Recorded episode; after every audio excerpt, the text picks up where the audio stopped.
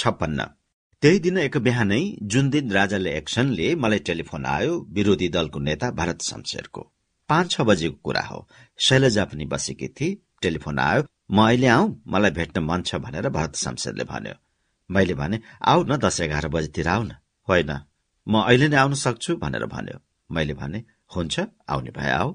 त्यसपछि ऊ आयो। म बेडमा नै थिएँ चिया खाइरहेको थिएँ। त्यहाँ बेड निरै काउज थियो त्यहाँ बस्यौं अनि कुरा भयो। उसले के भन्यो भने आज बडो अनौठो कुरा भयो। उसलाई त संकेत भइसकेको रहेछ। मलाई मात्र थिएन। म बौद्धिक मूल्याङ्कन गर्थे त्यस कुरामा। मैले भने राजालाई के खाँचो परेको छ त्यस्तो कुनै कुरा गर्ने?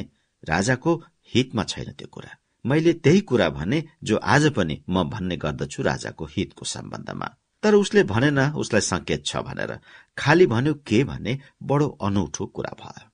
यतिका दिनसम्म मैले राजाको दर्शन पाऊ भनेर नपाएको। तपाईँले पनि विरोधी पक्षको नेतालाई दर्शन भेट बक्सनुपर्छ भनेकोमा नदिएको।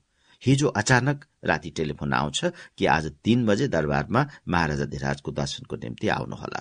मैले आजै एघार बजे कलकत्ता जाने प्रोग्राम बनाएर टिकट किनेको छु। मैले भने किन जान्छौ त? भोलि गए भइहाल्छ नि। राजाले त सोध्लान् राजा त सायद आलोचक नै होलान् सरकारको भनेर उसले भन्यो। तिमी पनि त आलोचना गर्न सक्छौ सरकारको। त्यसो हुनाले जे तिमीलाई ठिक लाग्छ त्यो गर्नु। तर तिम्रो सल्लाह माग्यो भने भन्नुपर्छ कि यो प्रजातान्त्रिक संस्था जो संसदीय व्यवस्था छ त्यसलाई ध्वस्त गर्नु हुँदैन। त्यो त तिम्रो हितको पनि कुरा हो भनेर मैले भने। त्यो त भनौला अरू केही भन्नु छ कि भनेर आएको? त्यति भनेर त्यो गइहाल्यो र भन्यो त्यसो भए म बसौँ त। मैले भने बस। ऊ सायद उम्कन चाहन्थ्यो। ऊ मबाट आश्वस्त भयो। उसले सुनेका कुराहरू होइन रहेछ क्यारे भनेर उसलाई लाग्यो होला। ऊ बस्यो। तीन बजे ऊ नारायण ढोकामा समातियो। निर्धारित समय अनुसार ऊ त गयो नि ढोकामा तीन बजे। त्यही ऊ समातियो। अब यही कुराको म पृष्ठभूमि पनि भनिहाल्छु। सुवर्णजीसँग राजाले छलफल गरिसकेका रहेछन्।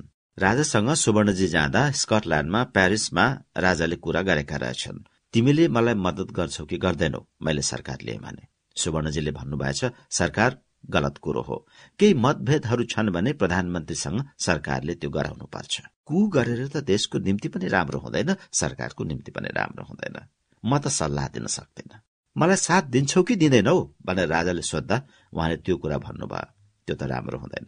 त्यो भन्दा सुवर्णजीसँग राजा झोकिएछन् राजाले आफ्नो सर्किलमा के भनेका रहेछन् भने त्यो त पुरा विश्वेश्वरको प्रभावमा परेको मान्छे। तर म यिनलाई उनको रानी मार्फत प्रभाव पार्छु।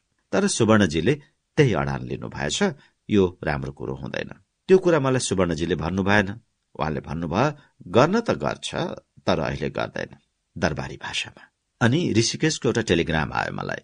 राजाले मलाई प्यारिसमा बोलाएका छन् म जाउँ कि नजाउँ? मलाई जाँदैछु भने सूचना दिएका थिए। त्यो पनि मलाई अनौठो लाग्यो कि मलाई त्यो सूचना किन दिनु पर्यो उनी राजदूत थिए राजाले बोलाएपछि त नजाने भन्ने कुरा पनि थिएन। अरूहरूलाई आश्चर्य लाग्यो तर मलाई लागेन। किनभने मैले भन्ठाने प्रधानमन्त्री परराष्ट्र मन्त्रीलाई सूचना गरे। त्यसमा त मलाई आश्चर्य लागेन। तर सूर्यबाबु भन्नुहुन्थ्यो यो टेलिग्राम बडो अर्थपूर्ण छ। अनि उनलाई पनि सोधेछन् राजाले तिमी मलाई साथ दिन्छौ कि दिँदैनौ?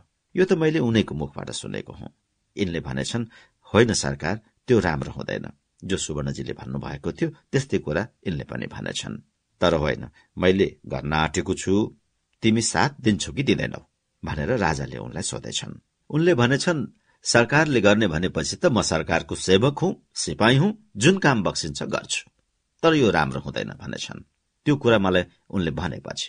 उनलाई थाहा थियो कि राजा कुमा जान थाले। अर्को कुरो मलाई के भने भने सुवर्णजीलाई कलकत्ता जान दिएकोमा तुलसी गिरीको हात छ।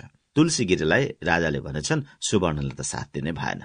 जबसम्म बिपी रहनुहुन्छ सरकारलाई साथ दिँदैनन्। बिपीलाई छाड्न सक्दैनन्। त्यसो हुनाले एक्सन लिँदा बाहिर रहेपछि सायद साथ देलान् भनेर उहाँलाई बाहिर जान दिएको भन्ने मैले पछि थाहा पाएँ। यो ठिक हुन सक्छ नहुन पनि सक्छ। तर यो युक्ति संगत लाग्दछ।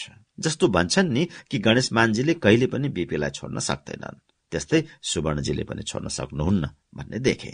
तर मलाई जेलमा थुनिसकेपछि हुनु हुनामी भइसकेपछि त सुवर्णजीलाई कुनै उपाय हुने छैन भनेर उहाँलाई जान दिएको भन्दछन्। जे होस् त्यस दिन करिब दस बजेसम्म एकदम धुम्म कुहिरो थियो।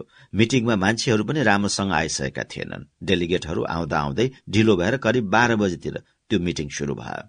मैले खाएको थिइनँ त्यो मिटिङ सकिएपछि खाना जाउँला भन्ने सोचेको थिएँ। मिटिङ बडो राम्रो थियो। चारैतिरबाट डेलिगेटहरू आएका थिए।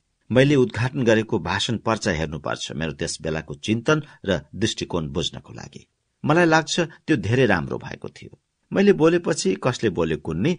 तर श्री भद्र शर्मा बोलिरहेका थिए जब सेनाले घेरिहाल्यो। हामीहरूले बनाएको राजाको आग्रहमा जीसीएस थियो। पछि प्रधान सेनापति हुने दोस्रो व्यक्ति सुरेन्द्र बहादुर शाह र दरबारको समरराज कुंवर थिए। ओठ पनि कलेटी परिसकेको। उनीहरू मिलिट्री पोसाकमा आए। अनि मेरो बडीगार्ड थियो सेनाको क्याप्टेन। त्यसको रेभल्भर लियो। ऊ उभिएको थियो टाढा त्योसँग मागेर लिएको थियो। तिनीहरूलाई त्यहाँ आएको देख्ने बित्तिकै सूर्यबाबुले भन्नुभयो सकियो। अनि उहाँले भन्नुभयो देख्नु भएन तपाईँको बडीगार्डको खोस्यो नि पिस्टल। सूर्यप्रसाद त्यसको आर्किटेक्चर संरचनाकार हुन सक्दछन्। यी सब कुराहरू म भन्दा बेसी तुलसी गिरीलाई थाहा हुन्छ। विश्वबन्धु त उसको सहायक जस्तो थियो मतिहार जस्तो थियो। त्यहाँ सेना धड धड आइहाल्यो र मञ्चमा आयो। अधिवेशन दरबारको प्राङ्गणमा चलिरहेको थियो। दरबारको पिँढीसँगै टाँसिकन हाम्रो मञ्च बनेको थियो। दरबार पछिल्तिर थियो। मञ्चमा आउनको लागि दरबारको पिँढीमा चढेर आउनु पर्ने तिनीहरू पछिल्तिरबाट आए सुरेन्द्र बहादुर शाह अलि पछि नै उभियो। समरराज अगाडि आयो। समरराज निर्देशन दिइरहेको थियो। अब के गर्ने? अब के गर्ने भनेर ऊसँग सोद्धछ सुरेन्द्र बहादुर शाह।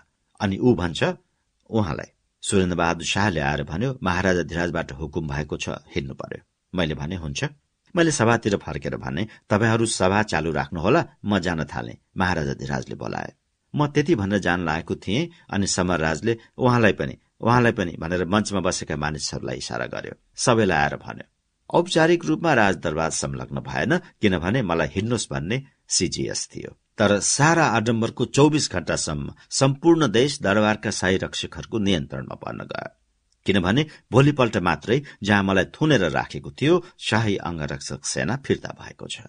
हामीलाई त्यहाँबाट त्यसै लग्न खोज्न साथ त एकदम अशान्ति भइहाल्यो। मलाई एउटा फिक्री के भयो भने जुन किसिमबाट मलाई लिएर गए जुन एउटा निष्ठुर आकृति त्यहाँ थियो त्यसको गम्भीर दुष्परिणाम हुन सक्थ्यो। कारवाहीमा एउटा निष्ठुरता अभिव्यक्त भइरहेको थियो। त्यस्तोमा त्यहाँ सूर्यबाबु उचालिरहनु भएको छ हातको इसाराले म के देखिरहेको छु भने त्यहाँ त उनीहरूको संहार हुन सक्थ्यो मिलिट्रीद्वारा। ब्रेन गन लिएर मिलिट्री ट्रकमा थियो। स्टेन गन र राइफल लिएर मिलिट्री पुगिसकेको थियो। तिनीहरूले अलिकति पनि केही गरेको भए मलाई त मारि नै दिन्थे। भन्ने थिए कि भिडले मलाई समात्न थालेको हुनाले म मारिए। भाग्न लाग्दा भिडले समातेको हुनाले उनी मारिए त्यस हुनाले मैले भने तपाईँहरू शान्त हुनुहोस् र तपाईँहरू मिटिङ चलाइराख्नुहोस्। मलाई किन हो राजाले बोलाएको? मलाई थाहा छैन। मैले त्यो भने तर मिटिङ त्यसपछि चलेन। मलाई लाग्दछ हामीलाई समात्न भने त्यहाँ करिब तीन सय जवानहरू आएका थिए। त्यहाँबाट सिंहदरबार जाँदा सड़कको किनारामा पाइला पाइलामा शाही अंगरक्षक सेना बसेको थियो। सिंहदरबार भित्र हामीहरू गेटभित्र पस्यौं एउटा चुत्रबहादुरलाई देखेँ। दान गम्भीर सिंह रायमाझी थियो कि थिएन म भन्न सक्दिनँ। अरू अरू अफिसरहरूलाई पनि मैले देखेँ सिंहदरबार पुगुन्जेलमा र सिंहदरबारको गेटमा र भित्र जहाँ मलाई राखे। लगेर बिलियर्ड रुम थियो त्यहाँ राख्यो हामी सबैलाई। आधा घण्टापछि सबैलाई त्यहाँबाट लग्यो। म मात्रै त्यहाँ बसेँ। त्यो बिलियर्ड रुम ठूलो थियो। त्यसका ढोकाहरू झ्यालहरू सारा बन्द गरिदिएर एउटा मात्र ढोका खुल्ला राखिदिएको थियो। त्यहाँ दुईटा चपटे बसेका थिए। त्यस दिन त्यो अव्यवस्थित थियो। त्यो षड्यन्त्र राजाले आफ्नै छातीभित्र राखेका थिए र कसैलाई थाहा हुन दिएका थिएनन्। थाहा भए पनि योजना पहिलेदेखि नै छलफल गरे होलान् तर त्यो कार्य कुन दिन गर्ने भन्ने कसैलाई पनि भनेका थिएनन् भन्ने मलाई लाग्दछ। राजलाई विश्वासमा लिएको भए अर्कै कुरा। मलाई लाग्दछ उनले कसैलाई विश्वासमा लिएका छैनन्। यो सीजीएस सुरेन्द्र बहादुर शाहलाई त लिएकै छैन। कमान्डर इन चिफलाई लिएका छन् अरू कसैलाई लिएका छैनन्। पूरा अव्यवस्थित थियो। केवल मलाई कडा पहरामा राख्नु भनेको मात्रै थियो र थुन्नु भनेको मात्रै छ। र मेरो आफ्नो धारणा के छ भने त्यस दिन राजा घडबडाहटमा छन् दुई कारणले। जनताको प्रतिक्रिया के हुन्छ? हामीहरूसँग हतियार छ कि छैन? त्यस्ताका अखबार निस्केको हामीले थाहा पायौं राजा आफ्नो दरबारभित्र टहल्न निस्केछन् हिँड्दाखेरि गार्डले को हो? भनेर रोकेछ। त्यस किसिमको अवस्था थियो। उनी अत्यन्तै घबराएका थिए। त्यसबेला मलाई के विश्वास भएर आयो भने पचासवटा उजी इजरायली सबमेसिन गन हाम्रो हातमा रहेको भए उनीले त्यसो गर्न सक्दैनथे। गर्न सक्दैनथे गर्न सक्दैनथे। एकचोटि मलाई राजाले के भनेका थिए भने म त्यही सम्झन्छु। होइन विश्वेश्वर बाबु यहाँ कहीँबाट विदेशी शक्तिले आक्रमण गरिदियो भने शहरको रक्षा गर्ने प्लान छ? मैले भने यो त बेकारको कुरा हो सरकार। होइन तैपनि सुरक्षाको दृष्टि इत्यादि भनेर उनले भने। त्यो पनि उनले छलफल गरेका होलान् सेनाका मान्छेहरूसँग। अनि मैले भने राजाले यसो भनेका थिए भनेर मान्छेहरू कमान्डर इन चिफसँग। कमान्डर इन चिफ छक्क परे। यो के सोधेको हो भनेर। तर कमान्डर इन चिफले भोलि पर्सिपल्ट प्लान लिएर आए। र छ हामीसँग त्यस्तो आकस्मिकताको लागि प्लान। टुकुचामा यहाँ दरबारमा यो गार्ड मुख्य ठाउँहरू यी हुन् भनेर मलाई बताए। त्यो पनि उनले त्यही दिन तयार गरेको होला। सन्ताउन्न। अब थुनेर राखे। म एकान्त बन्दी भए। पछि त्यही दिन बेलुका तुलसीगिरी आयो र भन्यो म त भन्दै थिएँ राजाले गर्छन्। तपाईँ सुन्नुहुन्न थियो। मलाई तपाईँले आफ्नो शत्रु भन् ठान्नुभयो अब के गर्ने? मैले भने के गर्ने? राजाले बडो गल्ती गरेका छन्। के? थुन्लान्? पाँच वर्ष थुन्लान्? दस वर्ष थुन्लान्? हामी थुनिएर बस्नुपर्छ। विकल्पहरू हामी छौं। राजाले सम्हाल्न सक्ने कुरा छैन। आ कुनै पनि राजनीतिज्ञले पाँच वर्ष दस वर्ष भन्दा टाढा कसले हेर्छ? उसले भन्यो मैले भने त्यो त राजनीतिज्ञ नै होइन। म त्यस्तो राजनीतिज्ञ होइन। यस देशको भविष्य हेर्छु। जसले पच्चिस वर्ष तीस वर्ष पचास वर्ष पछिको कुरा सोच्दैन भने त्यो के राजनीतिज्ञ? त्यो राजा त झन होइनन्। राजनीतिज्ञले त एक चुनावलाई सोच्ला रे त्यसो हुनाले अब म निर्धक्क छु। म त आनन्दसँग बसेको छु। मैले भनेको छु तुलसीगिरीलाई उसले यही भन्यो अब यसले पाँच वर्ष थुन्छ। दस वर्ष पनि थुनिदेला। यसबाट के भयो त? थुनिएर दस वर्ष बस्न हामी तयार छौं। उनले हामीलाई छोड्नुपर्छ भन्ने लागेमा वा हामीलाई छोड्न उनी बाध्य भएमा विकल्प त हामी नै रहनेछौ भनेर मैले त्यसलाई भनेको छु। त्यो मेरो मनस्थिति मेरो सब कुरा बुझ्न आएको थियो। त्यसलाई त भोलिपल्ट लगिहाले। हामीलाई लगेर राखेपछि खाना दिइरहेका थिएनन्। खाना किन नल्याएको भनेर भनेपछि खाना लिएर आए। त्यसको मतलब खानाको पनि इन्तजाम थिएन। खालि समातेर राख्नु भनेको थियो प्लानिङ त पछि भएको थियो। किनभने उनलाई के डर लाग्यो भने खानाको इन्तजाम गरौं भन्ने थाहा होला पहिले। कसैलाई पनि केही थाहा थिएन। राजा र उनका एक वा दुई मानिस बाहेक। त्यसो हुनाले खाने पनि इन्तजाम थिएन। त्यो मलाई कुनै दुःख दिनको निम्ति गरेको होइन। किनभने पछि त्यस्तो राम्रो खानाको इन्तजाम भयो। खानाको निम्ति सत्कार विभागलाई खाना त्यहाँ पुर्याउनु पर्छ है एक बजेदेखि भनेर भनेको भए अरूले शंका गर्न थालिहाल्थे। राति आयो खाना। लुगा बिछोना छैन किनभने लुगा बिछोना त्यहाँ पहिलेदेखि राखी छाड्यो भने त थाहा भइहाल्छ नि किन लुगा बिछोना आउन थाल्यो भनेर। उनले सम्पूर्ण योजना आफ्नो छातीभित्र लुकाएर राखेका थिए। त्यसरी तिनले पुस एक गतेको काण्ड गरेका थिए। भोलिपल्ट बिहान तुलसीगिरी भन्छ हामीलाई महाराज धिराजको कागज चाहियो। त्यो मलाई देखाउनु परेको रहेछ। महाराज धिराजले तीन बजे घोषणा गरेका रहेछन्। हामीलाई बाह्र एक बजेतिर समातेका थिए। त्यो घोषणा पनि हामीलाई दिएको छैन। हामीले त्यसलाई अध्ययन गर्नुपर्ने भनेर तुलसीगिरी चिच्याउँछ। उसलाई त डरै छैन। राजासँग मिलेर आएको थियो। उसलाई के को डर? म स्तम्भित छु। मलाई एउटा कुरा के लाग्यो भने अब म आरामले बस्छु। तर म स्तम्भित छु। किन यसो भयो भनेर? जाडो असाध्य जाडो छ। आगो बाल्नलाई फायर प्लेस छ। धन धन आगो बालिदिएको छ। त्यसमा बिलियर्ड रुमको फोल्डिङ चेयर राखिदिएका छन्। चिया छ के के छ? भोलिपल्ट अकस्मात खबर आयो राजाको घोषणा हेर्न दिए। तुलसीगिरीले एउटा किताब लिएर गएको थियो त्यो त्यही थियो। उसलाई हतार त्यहाँबाट लिएर गइहाले। अनि भोलिपल्ट हाम्रो सामानहरू आयो। मेजरले त्यो सबै जाँच गर्यो। हामीहरू भित्र पस्दाखेरि नै सबै कुरा जाँच गरेको थियो। मैले कालो ओभरकोट लगाएको थिएँ ओभरकोट भित्र पनि हेर्यो त्यसपछि भोलिपल्ट मलाई लाग्दछ सूर्यनाथ दास यादवलाई ल्याए। अरू त्यसपछि कसैलाई ल्यायो कि ल्याएन मलाई याद भएन। भोलिपल्टदेखि अतिथि सत्कार विभागबाट खाना आउन थाल्यो। एकदम राम्रो खाना। बिहान ब्रेकफास्ट एकदम इङ्ग्लिस ब्रेकफास्ट आउँथ्यो। लन्च पनि त्यस्तै। बेलुका चिया सुपारी सौप सिगरेट सिगरेट पनि डब्बाका डब्बा। त्यसरी आउँथ्यो। कति रुपियाँको व्यवस्था थियो थाहा छैन तर जे अर्डर गरे त्यो आउँथ्यो। पछि उनीहरूले भने तपाईँलाई पैंतालिस रुपियाँ रोजको जे अर्डर गर्नुहुन्छ पाइन्छ। त्यसबेला पैंतालिस रुपियाँ भनेपछि त निकै धेरै हुन्थ्यो। तपाईँले जे मगाए पनि हुन्छ भन्थे तर मैले यही त धेरै छ भन्थे। अब पढ्ने छैन लेख्ने छैन। त्यो बिलेड रुममा क्वायरको ठूलो कार्पेट बिछ्याएको थियो। कतिले टेकेर फोहोर पारेको। त्यहाँ साफ गर्न लगाउँदा एउटा सानो पेन्सिलको टुक्रा फेला पर्यो। अरूले देखेनन् मैले चट्ट खल्टीमा राखिहाले। मलाई एउटा क्याम्प खाट दिएका थिए। भोलिपल्टदेखि अनि मेरो स्लिपिङ ब्याग र ओढ्नेहरू सब आयो। अनि एउटा ठूलो कार्पेट घरबाट मगाइदिए जो मसँग अहिलेसम्म छ। मैले त्यही क्वायर कार्पेट माथि राखेँ। म त्यसमाथि योगासन पनि गर्दथे। अनि म सुतेर बिस्तार बिस्तारै लेख्दथे। Paper table नेपकिनहरूमा लेख्थे। आउने बखतमा छ सातवटा लेन्थे। हुन त जति लिए पनि हुन्थ्यो। त्यो मलाई लाग्दछ आधा पाउ जति जम्मा भएको थियो होला बेड तल राख्थे। अलिकति उनीहरूले आँखा पनि चिम्लिदिएका थिए कि जस्तो मलाई लाग्दछ। दारी आफैले बनाउन पाइँदैनथ्यो रेजर आफूसँग राख्न पाइँदैनथ्यो कस्तो काम चलाउ थियो पहिला दिन भने पिसाब गर्ने दिशा गर्ने ठाउँ पनि बनाएको थिएन। त्यसको भोलिपल्ट ट्रेन्च लेट्रिन खने त्यसमा टेन्ट लगाइदिए। चौबिस घण्टा बत्ती बल्थ्यो। उज्यालो बत्ती बिलियडको बत्ती त्यसको नजिकै जाने र अरू तीन चारवटा बत्तीहरू। त्यो पनि धेरै उज्यालो। तीन चारजना सेनाका मानिसहरू हमेसा भित्र बसिराख्थे। दुईवटा चपटे त बस्छ बस्छ। एउटा ढोका बाहिर जाने त कुरै छैन। त्यहाँ दुई तीनवटा रमाइलो कुरा भएको छ। मलाई लाग्यो मान्छे कति मदत गर्ने हुँदा रहेछन्। डाक्टरहरू सहयोग गर्ने। चालाक डाक्टरहरू थिए जो अहिले पनि सेनामा छन् क्यारे। मलाई हेर्न उसँग मेजर र जेनरलहरू सब आउँथे। ठूलो हल थियो आए आएर मलाई सल्युट गरे अनि डाक्टर अगाडि आउँथ्यो। मनेर बिस्तारै आएर आज त यस्तो भयो यस्तो भयो उस्तो भयो भनेर फुसफुस सुनाउँथ्यो। त्यसैबाट म समाचारहरू थाहा पाउँथे।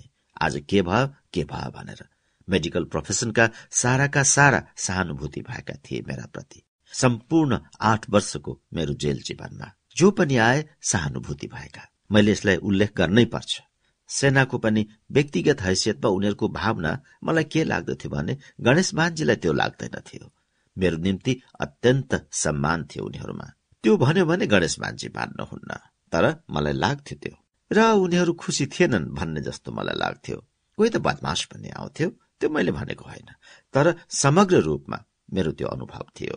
अर्को कुरा म के विचार गरिरहेको थिएँ भने यसरी अनिर्णित भाग्य त राख्दैन। को हुँदा मान्छे मार्छन् भने। त म अनुमान गरिरहेको थिएँ कि हामीलाई मार्छन् किनभने त्यस्तो आतंक खडा गरिदिएको थियो। पहिला दिन त मलाई निश्चय जस्तै भएको थियो जब मैले शाही अङ्गरक्षक सेना प्रयोग भएको देखे। भोलिपल्टदेखि त्यो लागेन तै पनि आशंका थियो। सिंहदरबारको बाहिरी पर्खाललाई बनाउन भनेर हो कि के हो एउटा मचान बनाइरहेको मैले देखे। मलाई लाग्यो कि त्यहाँ मचानमा लगेर गोली हान्ने होला। त्यस्तो किसिमको एउटा अन्यल थियो। मलाई लाग्न थाल्यो अब हामीलाई मार्न पनि सक्दछन् त्यो सम्भावनाको परिधि भन्दा बाहिरको कुरा पनि थिएन। त्यस सन्दर्भमा यो नहुने कुरा पनि थिएन। राजा त्यस बखतमा भयानक अन्धो भएर काम गरिरहेका थिए। त्यो मेरो आफ्नो धारणा हो। हामी समातिएका छैठौं दिन बिहान नौ बजेतिर हुँदो या दस बजेतिर कुहिरो टम्म लागेको छ। देखिँदैन कतै राम्ररी। आउँछ जेनरल। त्यो जेनरल शाह होइन अर्कै जेनरल आउँछ जोसँग मेरो पछि सुन्दरी जलमा वाद विवाद भएको थियो। यहाँ मलाई अहिले सम्झना भयो एउटा कुरा। अब राजाले ऋषिकेश शाहलाई पेरिसमा बोलाए। उनको कुरा सुनेर ऋषिकेशले भनेका रहेछन् होइन सरकार प्रधानमन्त्रीले केही बेअदबी गरे कि के गरे? भन्दा राजाले भनेछन् केही कुरा गरेनन्। कुनै पनि मेरो मर्यादाको खिलाफ या मेरो अधिकारको खिलाफ कहिले पनि केही गरेनन्। मसँग कुनै आधार छैन उनलाई हटाउन। तर मलाई लाग्यो कि प्रजातान्त्रिक प्रक्रियाबाट हुँदैन। उनले भनेका छन् मैले आफूले पनि लेखेको छु। ऋषिकेश शाहले यसो भने भनेर। दुई तीनचोटि ऋषिकेश शाहले सोधेका छन्। मन्त्री छँदा पनि राजाले उनलाई भनेका थिए मलाई उनीहरूसँग कुनै गुनासो छैन तर मलाई लाग्छ यो भन्दा पनि राम्ररी चलाउन सकिन्छ कि भनेर मात्रै गरेको हो। उनले मेरो कुनै व्यक्तिगत मर्यादालाई नहुने केही पनि गरेका छैनन् र राजनैतिक वा उनले गरेको अरू काममा पनि मलाई कुनै असन्तोष थिएन। ऋषिकेश शाहले राजालाई त्यो भनेका थिए र त्यो मैले रेकर्डमा राखेको छु भनेका छन्। हामीलाई थुनेको छैटौं दिन त्यो जेनरल आयो। ऊ त हल्ला मचाउँदै आयो एकदमसँग।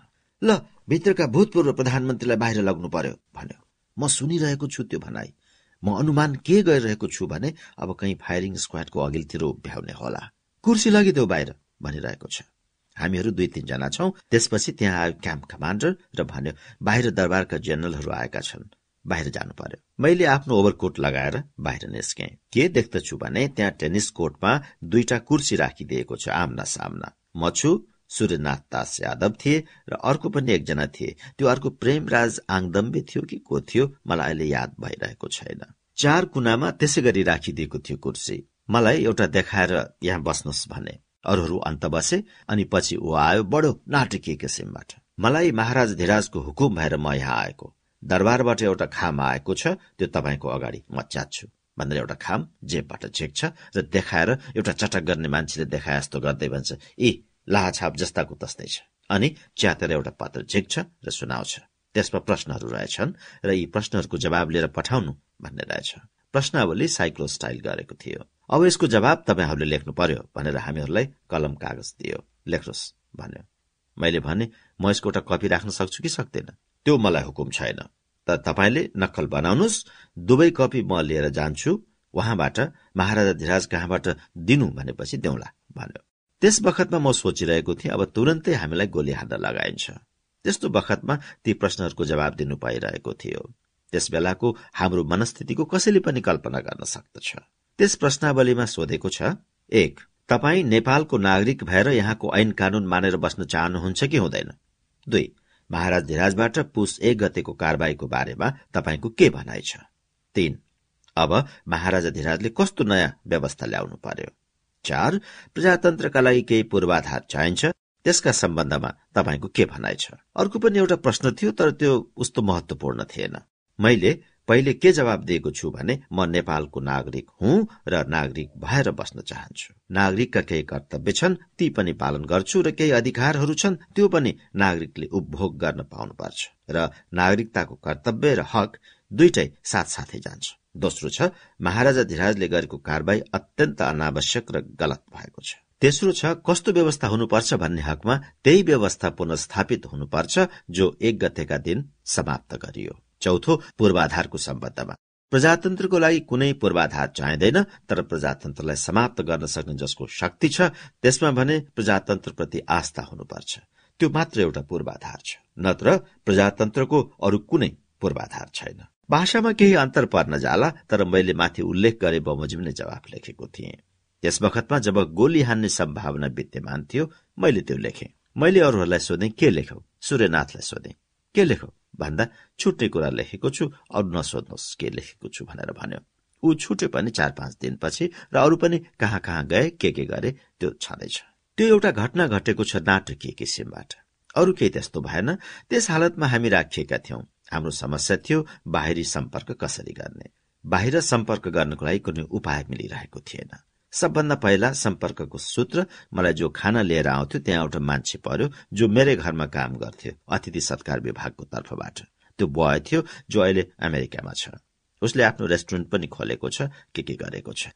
त्यो छरितो छिटो थियो बडो फुर्तिलो। त्यो खुसखुस आएर चिया दिइरहेको हुन्थ्यो केही गरिरहेको हुन्थ्यो। बिहान पख बेड्टी पनि लिएर आउँथ्यो। आगो बलिरहेको ठाउँमा एउटा फोल्डिङ चेयर लगाएर म बसेको हुन्थे। ऊ त्यहीँ आएर काम गरिरहेको हुन्थ्यो। जनरल आएर उभिरहँदैनथ्यो ऊ त अलि टाढै उभिने। अब यहाँ जुलुस निकाल्ने भइरहेका छन् फलाना गर्ने भइरहेका छन् ढिमाका गर्ने भइरहेका छन्। आज त उनीहरूसँग पनि भेट भयो फलानासँग पनि भेट भयो भनेर खुसखुस सुनाइराख्थ्यो। अरू कुनै खास कुरा हुँदैन थियो। घर घरबाट जुलुसमा आउने पनि सोचिरहेका छन् भन्ने अतिरञ्जित कुरा पनि भन्थ्यो। त्यस्ताका बाहिर कसरी खबर पठाउने भन्ने मेरो दिमागमा आइरहेको थियो। त्यसको मार्फत खबर पठाउ तर कागज दिन देखिहाल्छन्। कागज दिनु भएन त्यहाँ काम गर्ने तीन चारजना आउँथे। तीन चारजना आउँथे र तत्काल स्टोभ बालेर तात तातै चिया दिन्थे। चिनीमा मैले एक दिन कागजको एउटा टुक्रा देखेँ।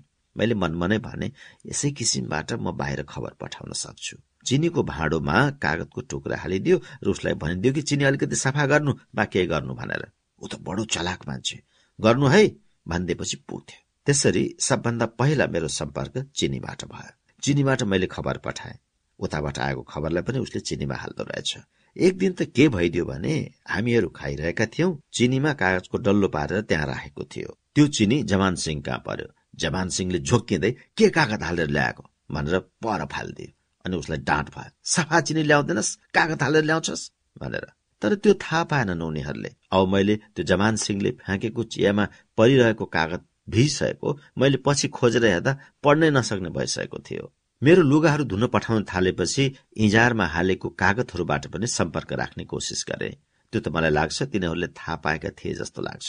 एउटा सेनाको मान्छेले आएर के भन्यो भने केही खबर पठाउनु छ कि? तिनीहरूले नै मलाई आएर भने म रोसालाई पठाउँथे खबरहरू। त्यसमा पनि कोड बनाएर पठाउँथे। चिनीमा पठाउँदा पनि कोडै बनाएर पठाउँथे। अर्को इजारमा हालेर पठाउँदा पुगिहाल्छ कि भनेर पठाएको थिएँ। किताबहरू दिन थालेपछि एउटा धर्मयुग आयो। अब एउटा धर्मयुग आएको। दिनभरि रातभरि त्यही पढ्दा पढ्दै हरेक शब्दमा ध्यान जान्थ्यो। पहिला त मैले त्यसमा केही देखेकै थिइनँ। पछि मैले के देखेँ भने त्यसमा मेरो लागि एउटा सन्देश पो रहेछ। मैले त्यसलाई पढेँ। पढ्दा के छ भने सुवर्णजीको सन्देश छ। सुवर्णजीले के सोधी पठाउनु भएको थियो भने अब के गर्ने? के आदेश छ? नेताको के आदेश छ? त्यसमा त्यति मात्र एक वाक्य थियो। त्यस तरिकाबाट सुवर्णजीले सम्पर्क गर्नुभयो।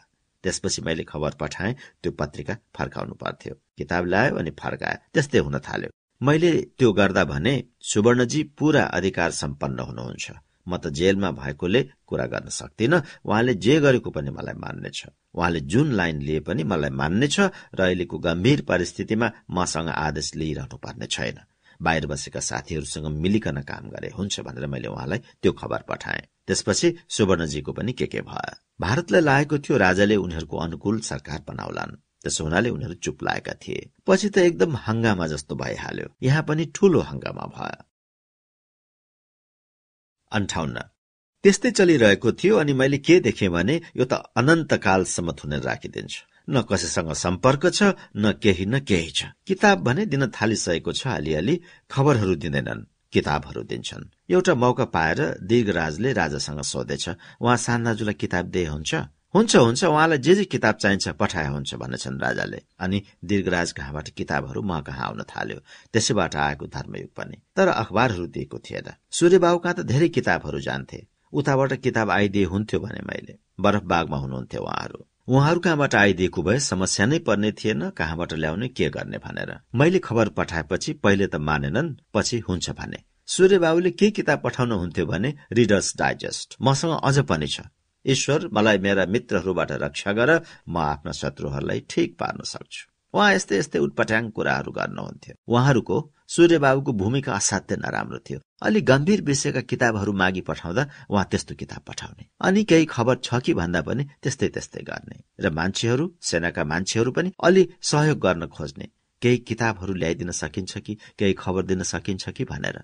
शैलजाहरू जुन दिन समातिए फागुन सात गतेको राजा उपस्थित भएको समारोहमा सेनाका मान्छेहरू दगुर्दै आए बडो उत्साहसँग। धेरै मानिसहरू समाते धेरै चुटाई खाए। तपाईँकी भान्जी पनि कालो झण्डा देखाएको हुनाले हामीले त टाढाबाट देख्यौं चुप्तै लगेको हामीले देख्यौं भनेर उत्साहका साथ तिनीहरू भनिरहेका थिए। त्यस्ता कुराहरू त फैलिहाले। हजामा आउँथ्यो जनरल अथवा सेनाको अरू मान्छे अलि टाढा बसिरहेका हुन्थे। कपाल दारी बनाइरहेको बेलामा केही न केही खुसखुस कुरा गइरहन्थ्यो। तपाईँ त दुब्लाउनु भएछ भन्थ्यो र फटफट कुरा गर्ने किसिमको थियो। आधा नेपाली आधा हिन्दी जस्तो बोल्थ्यो तर त्यो सेनाकै थियो जस्तो लाग्छ। केही समय बितेपछि म भोक हडतालमा बसेँ। मैले सोचे मेरो सम्पर्क हुन थाल्यो। म भोक हडताल गर्छु भनेर मैले निश्चय गरे। मैले बाहिर खबर पठाएँ। मेरो चार पाँचवटा मुख्य मागहरू राखेँ। एउटा माग के थियो भने जति राजनीतिक बन्दीहरू छौं ती सबैलाई सँगै साथमा राख्नुपर्छ र यसरी हामी एकान्तमा बस्ने होइन। अर्को खबरहरू हामीले पाउनुपर्छ। खेलकुदको व्यवस्था हुनुपर्छ। आफ्ना नातेदार इष्टमित्रहरूसँग भेटघाटको व्यवस्था हुनुपर्छ र मुद्दा चलाउनुपर्छ अदालतमा। यी सबै मागहरू राखेर भोक हडताल शुरू गरे। त्यसमध्ये सबै कुरा स्वीकार गरे केवल एउटा कुरा गरेनन् अदालतमा लैजाने कुरा। त्यसलाई मैले उति महत्वपूर्ण मानेको थिइन। मैले खालि भेटघाट र सँगसँगै बस्न पाउने कुरालाई जोड दिएको थिएँ। राजनीतिमा छौं भने विचारहरूको विनिमय होस् न भनेर मैले त्यसो गरेको थिएँ। मैले भोक हडताल तेह्र दिनसम्म गरेको थिएँ। पहिला सात आठ दिनसम्म उनीहरूले कुनै प्रतिक्रिया देखाएनन्। त्यस भोक हडतालको अवधिमा म बाहिरको खबर बीचबीचमा पाइरहन्थे। त्यसको लागि मैले सम्पर्क स्थापित गरेको थिएँ र त्यस सम्पर्क सूत्रद्वारा म खबर पाइरहन्थे। मैले भोग हडताल दुई दिन अघि नै तोडेको थिएँ किनभने मेरा मुख्य मागहरू जति पूरा भइसकेका थिए। मैले भोग हडताल पहिले नै तोड्ने निश्चय गरिसकेको थिएँ। सुशीलाको लागि भनेर मैले दुई दिन बढी गरे। अनि बुनु आइसकेपछि तपाईँको बहिनी आउनु भएको छ उहाँको हातबाट रस लिए भइहाल्छ नि भनेर उनीहरूले भने। मैले हुन्छ भने बुनु मनेर आई मौसमीको रस खाएर तेह्रौं दिन मैले भोक हडताल तोडे। यद्यपि दस दिनमा नै एउटा सम्झौता भइसकेको थियो। खालि एउटा कुरा मात्रै उनीहरूले मानेनन्। मैले स्पष्ट वाक्यमा भनेको थिएँ मलाई मुद्दा चलाउन।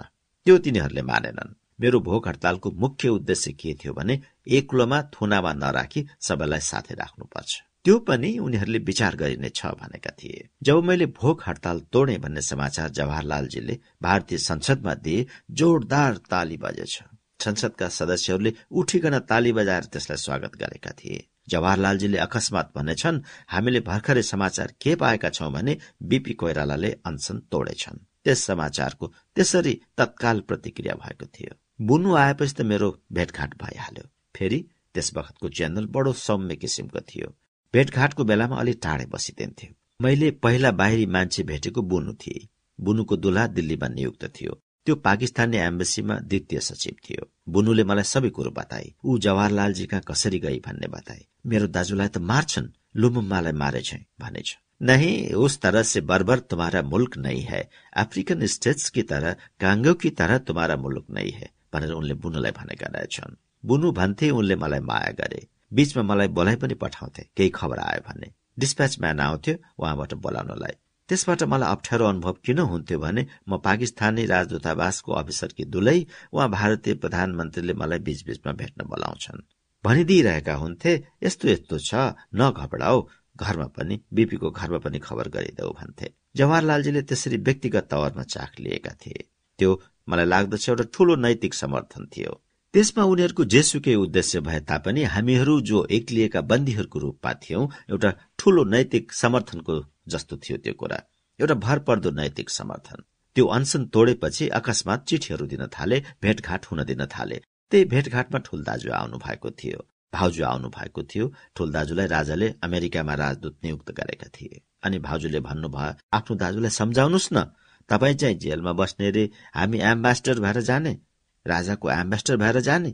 यो त राम्रो भएन। उहाँ त तपाईँको दाजु त जान थाल्नु भएको छ। त्यो जनरल बसेर सब कुरा सुनिरहेको छ। भाउजू मलाई भन्नुहुन्छ उहाँलाई रोक्नुहोस्। मैले भने उहाँलाई मैले कसरी रोक्छु? यो त आफूले विचार गर्ने कुरा हो। जुन चिज राम्रो हुन्छ त्यो गर्नुहुन्छ त्यसपछि सुशीलाहरू आए। सामान्य किसिमको व्यवहार हुन थाल्यो। त्यस्तो तनातनी भएन त्यसपछि। अखबारहरू पनि दिन थाले बाहिर घुम्न पनि दिन थाले। स्पोर्ट्सको निम्ति त यहाँ ठाउँ भएन। तपाईँको निम्ति अर्को ठाउँको हामीहरू इन्तजाम गर्दैछौ। त्यो भएपछि स्पोर्ट्स पनि हुन्छ। बाहिर पनि घुम्न पाइन्छ भने। बाहिर भनेको बिलियर्ड घरको पूर्वपट्टि एउटा फुटबल ग्राउन्ड छ।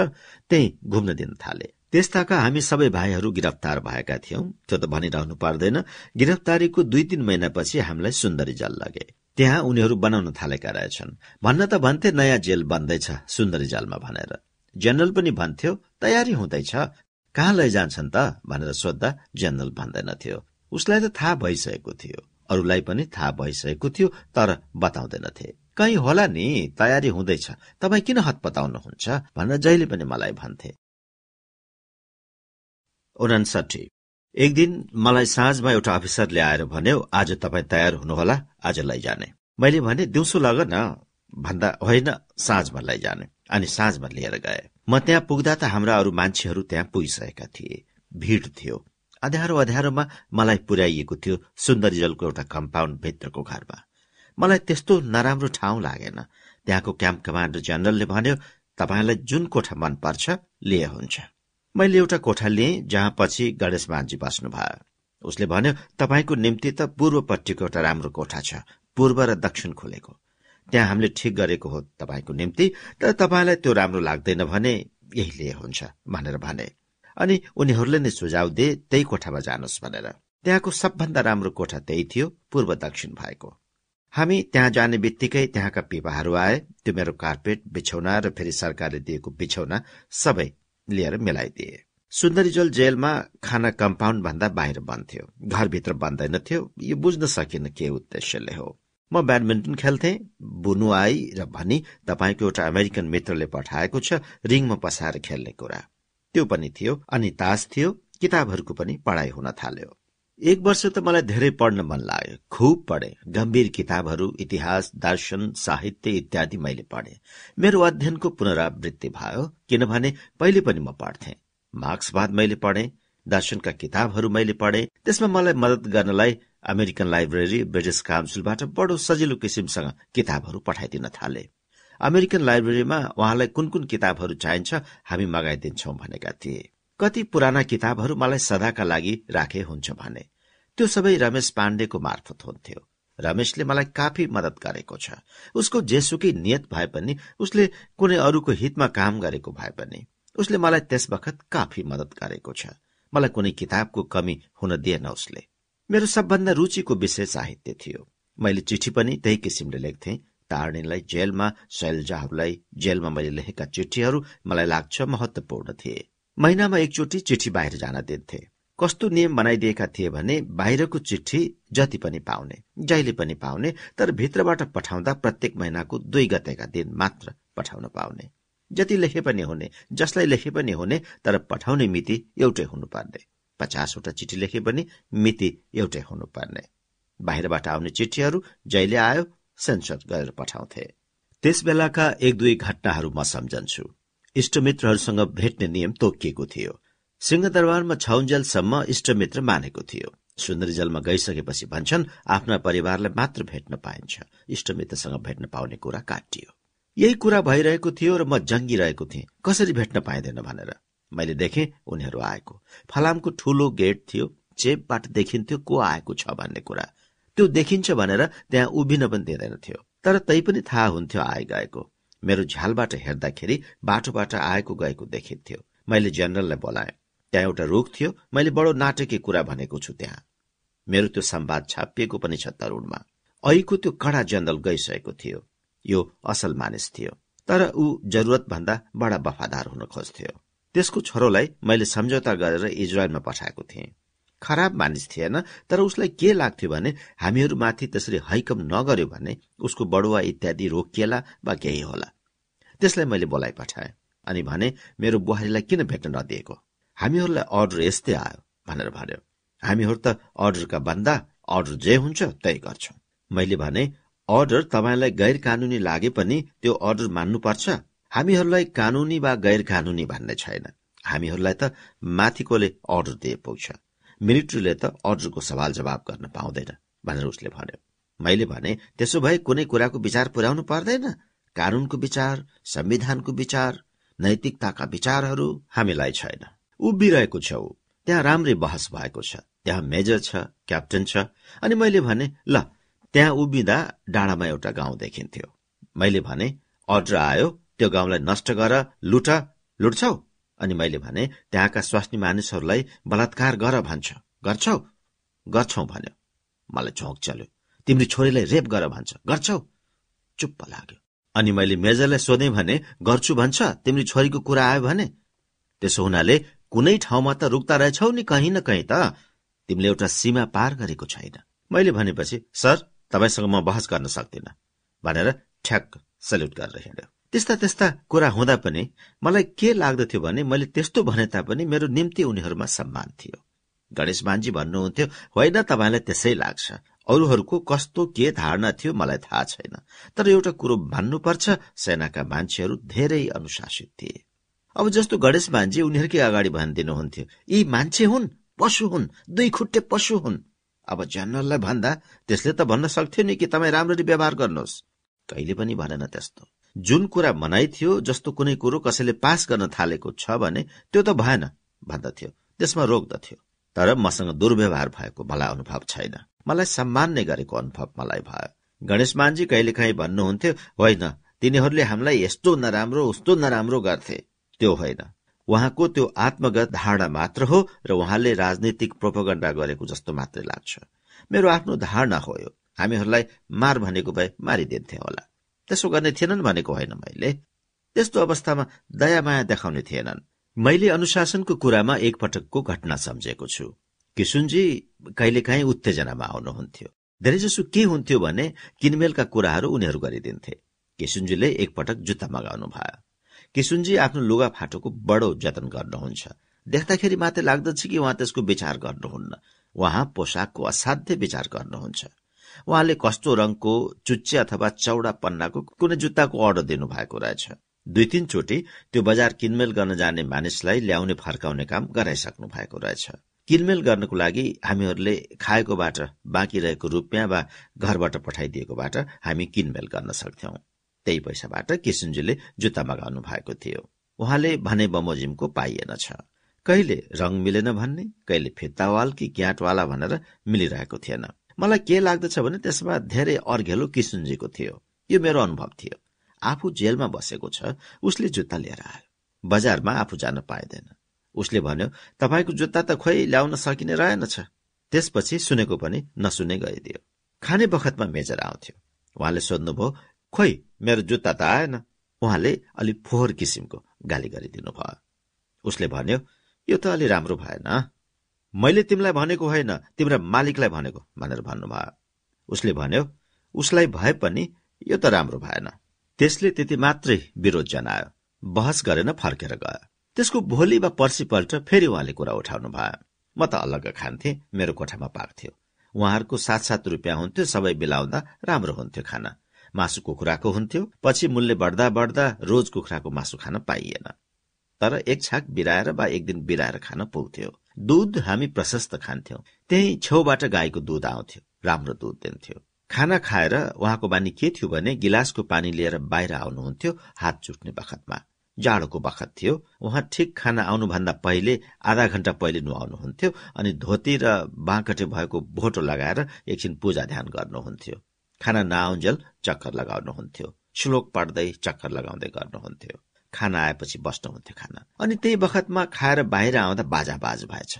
के बाजाबाज हुँदैछ भनेर हेर्न म बाहिर आउँदा त उहाँले खाएको जुठो पानी मेजरको मुखमा हुत्याइदिनु भएको रहेछ। मेजरसँग सुबेदार थियो उसले पिस्टलमा हात हालिहाल्यो तर मेजरले उसलाई रोक्यो। मेजरले रुमालले आफ्नो मुख पुछ्यो। यो तपाईँले राम्रो काम गर्नु भएन भन्यो र ल भनेर गयो। मैले अनुशासन कस्तो राख्थे भन्ने दृष्टान्त दिएको हुँ। उहाँलाई एक थप्पड लगाइदिए पनि त सक्दथे त्यसपछि किसुनजी आउनुभयो म कहाँ उहाँलाई लागेछ मैले नगर्ने काम गरेछु भन्ने। मैले भने के भएको थियो? किन त्यसो गरेको? भन्नु पनि उहाँलाई गाह्रो हुन्थ्यो। हामीहरू सबै आपसमा उत्तेजनामा बसिरहेका हुन्थ्यौं। किन? के भयो र? भनेर मैले भने। उहाँले यसो यसो भयो भन्नुभयो। हमको गुस्सा आ गया और हमने पानी डाल दिया। तो देखते हैं कि उसका हाथ पड़ गया पिस्टल की मुठ में। हमारा तो होश उड गया भनेर भन्नुभयो। मैले भने यो ठिक भएन। उहाँको एउटा विशेषता छ। उहाँ आफ्नो गल्ती पनि स्वीकार गर्नुहुन्छ। त्यस दिन धेरै कुरा गर्नु भएन। मैले यो एउटा घटना अहिले उल्लेख गरे। गणेश मानजीले त गाली नगरी उनीहरूको बारेमा बोल्नु भएको छैन। अलिकति ऊ पनि मानव हो भन्ने कुरा उहाँले गर्नु भएको छैन। केही व्यक्तिगत कुराहरू भन्नुहुन्छ कि हुँदैन तर रेकर्डमा त छाप्नु हुँदैन। अब साथीहरूको कुरा गरौं भने गणेश मानजी भयानक अनुशासित मानिस। उहाँले जुन नियम बनाउनु भयो त्यस नियममा एक मिनटको हेरफेर हुँदैन थियो। एक मिनटको पनि। आठ वर्षमा एकपल्ट हो वा दुईचोटि सर्दी लागेर पाँच बजे उहाँले नउठेको। नियमित चिया लिएर आउनुभयो। चिया उहाँले नै बनाउनुहुन्थ्यो र सबैको कोठामा चिया दिनुहुन्थ्यो बनाएर। एक दिन हो कि दुई दिन मात्रै उहाँको नियम भङ्ग भयो। अनि चिया खाइसकेर उहाँ जुन टाइममा टहल्नु पर्ने जुन टाइममा अखबार पढ्नु पर्यो जुन टाइममा किताब पढ्नु पर्यो जुन टाइममा जे गर्नु छ सेकेन्डको हिसाबले गर्नुहुन्थ्यो। नौ बजे सुत्ने वा दस बजे सुत्ने नियम छ भने हाई हाई आइराख्दा पनि नसुतेर जाडोमा बस्नुहुन्थ्यो। अब म बिछौनामा सुत्दिन भन्नुभयो घरबाट बिछौना आयो। अह प्रयोग गर्नु भएन। त्यो बाक्लो सुकुल छ नि। त्यसमा केही राडी जस्तो बाक्लो कुरा बिछ्याइदिएको थियो। अनि जाडो थुरथुर हुँदा पनि यहीँको स्थानीय पाखी जस्तो काम्लो ओढ्नुहुन्थ्यो पुगेन भने ओभरकोट लगाएर मोजा बाक्लो लगाएर टोपी लगाएर सुत्नुहुन्थ्यो तर सिरक ओढ्नु भएन। बिस्तारामा सुत्नु भएन। त्यो दृढता देखेर म दङ्ग परे। खाना खाएपछि सुत्दिन भन्नुहुन्थ्यो। अरू सबै एकछिन आराम गर्थ्यौ नि। अह आफू पनि नसुत्ने र अरूलाई सुत्न दिनुहुन्थेन। किसुनजी किताबहरू धेरै पढ्नुहुन्नथ्यो। तर आध्यात्मिक तर्फका उपनिषदहरू पढ्नुहुन्थ्यो। एकचोटि हामीलाई किसुनजीले उपनिषद पढाउने भनेर कुरा भयो। त्यही कपुरको बोटको तल बसेर। त्यहाँ पनि मलाई के लाग्यो भने किसुनजीले पढाउँदाखेरि मूलभूत कुरा जो म चाहन्थे भन्न सक्नुहुन्थेन। त्यो पनि क्रम टुटेर गयो। जे कुरा गर्यो टुटेर गयो। उहाँहरू स्पोर्ट्स नखेल्ने। एकचोटि किसुनजीको हात मर्क्यो खेल्दाखेरि त्यसपछि खेल्नु भएन। गणेश मानजी खेल्दै खेल्नुहुन्न थियो। म खेल्थे अरूहरू खेल्थे। ब्याडमिन्टन त म सबभन्दा राम्रो खेल्थे। यसरी रमाइलो चलिरहेको थियो। तर हामीहरूको बीचबीचमा उत्तेजना चलिरहन्थ्यो। हामीहरूको बीचमा पनि उत्तेजना चलिरहन्थ्यो। आपसमा पनि तनाव आउँथ्यो। एक दुईचोटि तनावको कुरा कस्तो भयो भने म के भन्ने भने राजासँग संवादको सूत्र राख्नुपर्छ। गणेश मानजी पूरा त्यसको विरुद्धमा हुनुहुन्थ्यो उहाँका तर्कहरू थिए तर मलाई ती राजनैतिक भएनन् भन्ने लाग्यो। पहिला एक दुई वर्ष त हामीले केही पनि गरेनौं। तीन चार वर्ष बितिसकेपछि मलाई लाग्यो र नखुजेलबाट पनि खबर आयो गिरिजाको रुद्रप्रसाद गिरीको श्रीभद्र शर्माको र अरूहरूको पनि। केही न केही गर्नु पर्यो यसरी त भएन। तपाईँले अग्रसर हुनु पर्यो उनीहरूले अग्रसर त लिएनन् भनेर त भएन भन्ने किसिमका कुराहरू आए। अनि जयप्रकाशजी पनि आए गए यी सबै कुराहरू भएका थिए। त्यसै बीचमा उन्नाइस सय बहत्तरको जुन या जुलाईतिर राजाले पठाए ब्रिटिस राजदूतलाई। त्योसँग मेरो बडो राम्रो सम्बन्ध थियो। हामीलाई गिरफ्तार गर्नुभन्दा एक दुई हप्ता पहिले त्यही स्कोप्सले पार्टी दिएको थियो। त्यही स्कोप्स आयो मलाई भेट्न। एक दिन जेनरल आयो। त्यस दिन दुई गते पनि थिएन भेटघाटको दिन नभए पनि जेनरल आयो। र भन्यो तपाईँको साथी तपाईँसँग भेट्न आएका छन्। को साथी? मैले सोधे। कुन्नी भने जेनरलले। म त्यस बखतमा पाइजामा र खद्दरको गन्जी लगाएर बसेको थिएँ। त्यही लगाएर जान्छु त त्यहाँ स्कोप्स बसिरहेको थियो। स्कोप्सले मलाई देखेपछि भन्यो म त भोलि जाँदैछु। मेरो काम सिद्धियो। मैले हिजो राजासँग भेटेँ र मैले भने कि मेरो मित्रलाई नभेटिकन म कसरी जाउँ त्यसो हुनाले मैले राजासँग अनुमति लिएर म तपाईँलाई भेट्न आएको। अनि मैले भने तपाईँको यस सद्भावनाको लागि म धन्यवाद ज्ञापन गर्दछु। उसले के भन्यो भने राजाले तपाईँनिर मलाई यो पठाएको होइन नि। मेरो आफ्नो तत्परतामा म तपाईँसँग भेट्न आएको हुँ। देशमा एउटा जटिल परिस्थिति छ। तपाईँ त एउटा देशभक्त हो। राजा र तपाईँहरूमा किन समझदारी नहुने? मैले भने मैले समझदारी नगर्ने भन्ने होइन। मलाई थुनेर राखिदिएको छ। मलाई कुनै आरोप थाहा छैन। किन थुनेर राखेको भन्ने? उसले भन्यो राजालाई तपाईँको बारेमा उच्चा धारणा छ। एउटा काम किन नगर्ने? तपाईँ राजालाई किन भेट्नुहुन्न? त्यस बेलासम्ममा राजाले नयाँ संविधान दिएका थिएनन्। बडो चाख लाग्दो कुरा थियो। दुई वर्ष भइसकेको थियो पञ्चायत व्यवस्था बनेको। तल्ला तहका पञ्चायतहरूको गठन भइसकेको थियो। त्यस सम्बन्धी कानूनहरू पनि बनिसकेका थिए तर संविधान बनिसकेको थिएन। उसले भन्यो राजा संविधान बनाउने मुडमा छन् सोचिरहेका छन् संविधान बनाउन। तपाईँ राजालाई किन मदत नगर्ने? र राजाले भनिसके राजाको आफ्नो अहंकार हुन्छ। उनले पञ्चायत भनिसके। त्यसो हुनाले उनलाई संविधानको नाम लेख्न दिनुहोस् र तपाईँले संविधानका प्रावधानहरू लेख्नुहोस् मेरो यस सुझावमा तपाईँ सहमत हुनुभयो भने म राजालाई भेट्न सक्छु। यद्यपि मैले हिजोको भेटघाटमा विदा लिइसकेको छु। म काठमाडौँबाटको आफ्नो प्रस्थानलाई स्थगित गर्न सक्छु। मैले भने तपाईँको यो सुझाव मलाई व्यक्तिगत रूपमा स्वीकार्य हुन सक्छ। छ पनि हामीलाई नामसँग त केही छैन। सेक्सपियरले जस्तो भनेको छ गुलाबको जेसुकै नाम दिनुहोस् तर त्यसको सुगन्ध कायम रहन्छ। त्यसो हुनाले नामसँग केही छैन मलाई। त्यसको गुणसँग सरोकार छ। तर कुरा के भइरहेको छ भने हाम्रो पार्टीले एउटा आन्दोलन चलाएको छ। सशस्त्र संघर्ष मलाई एकदम प्रभावहीन पाइदिएको छ। म एउटा कैदी मात्र भएको छु। आफ्नो पार्टीमा कार्यरत एउटा पदाधिकारीसँग अहिले तपाईँ कुरा गरिरहनु भएको छैन। त्यसो हुनाले यो सुझाव त सुवर्णजीलाई दिनुपर्छ। सुवर्णजीलाई सहमत गराउनुपर्छ र सुवर्णजी सहमत नहुने कुरा छैन। उसले भन्यो सुवर्णजीसँग राजाले कुरा गर्दैनन्। किनभने उनले उनको विरुद्धमा हतियार उठाएका छन्। उसँग गर्दैनन् कुरा। तिमीसँग गर्छन्। मैले भने ठिक छ मसँग नै कुरा गरून् तर मैले उनलाई आफ्नो कुरामा सहमत पार्नुपर्छ।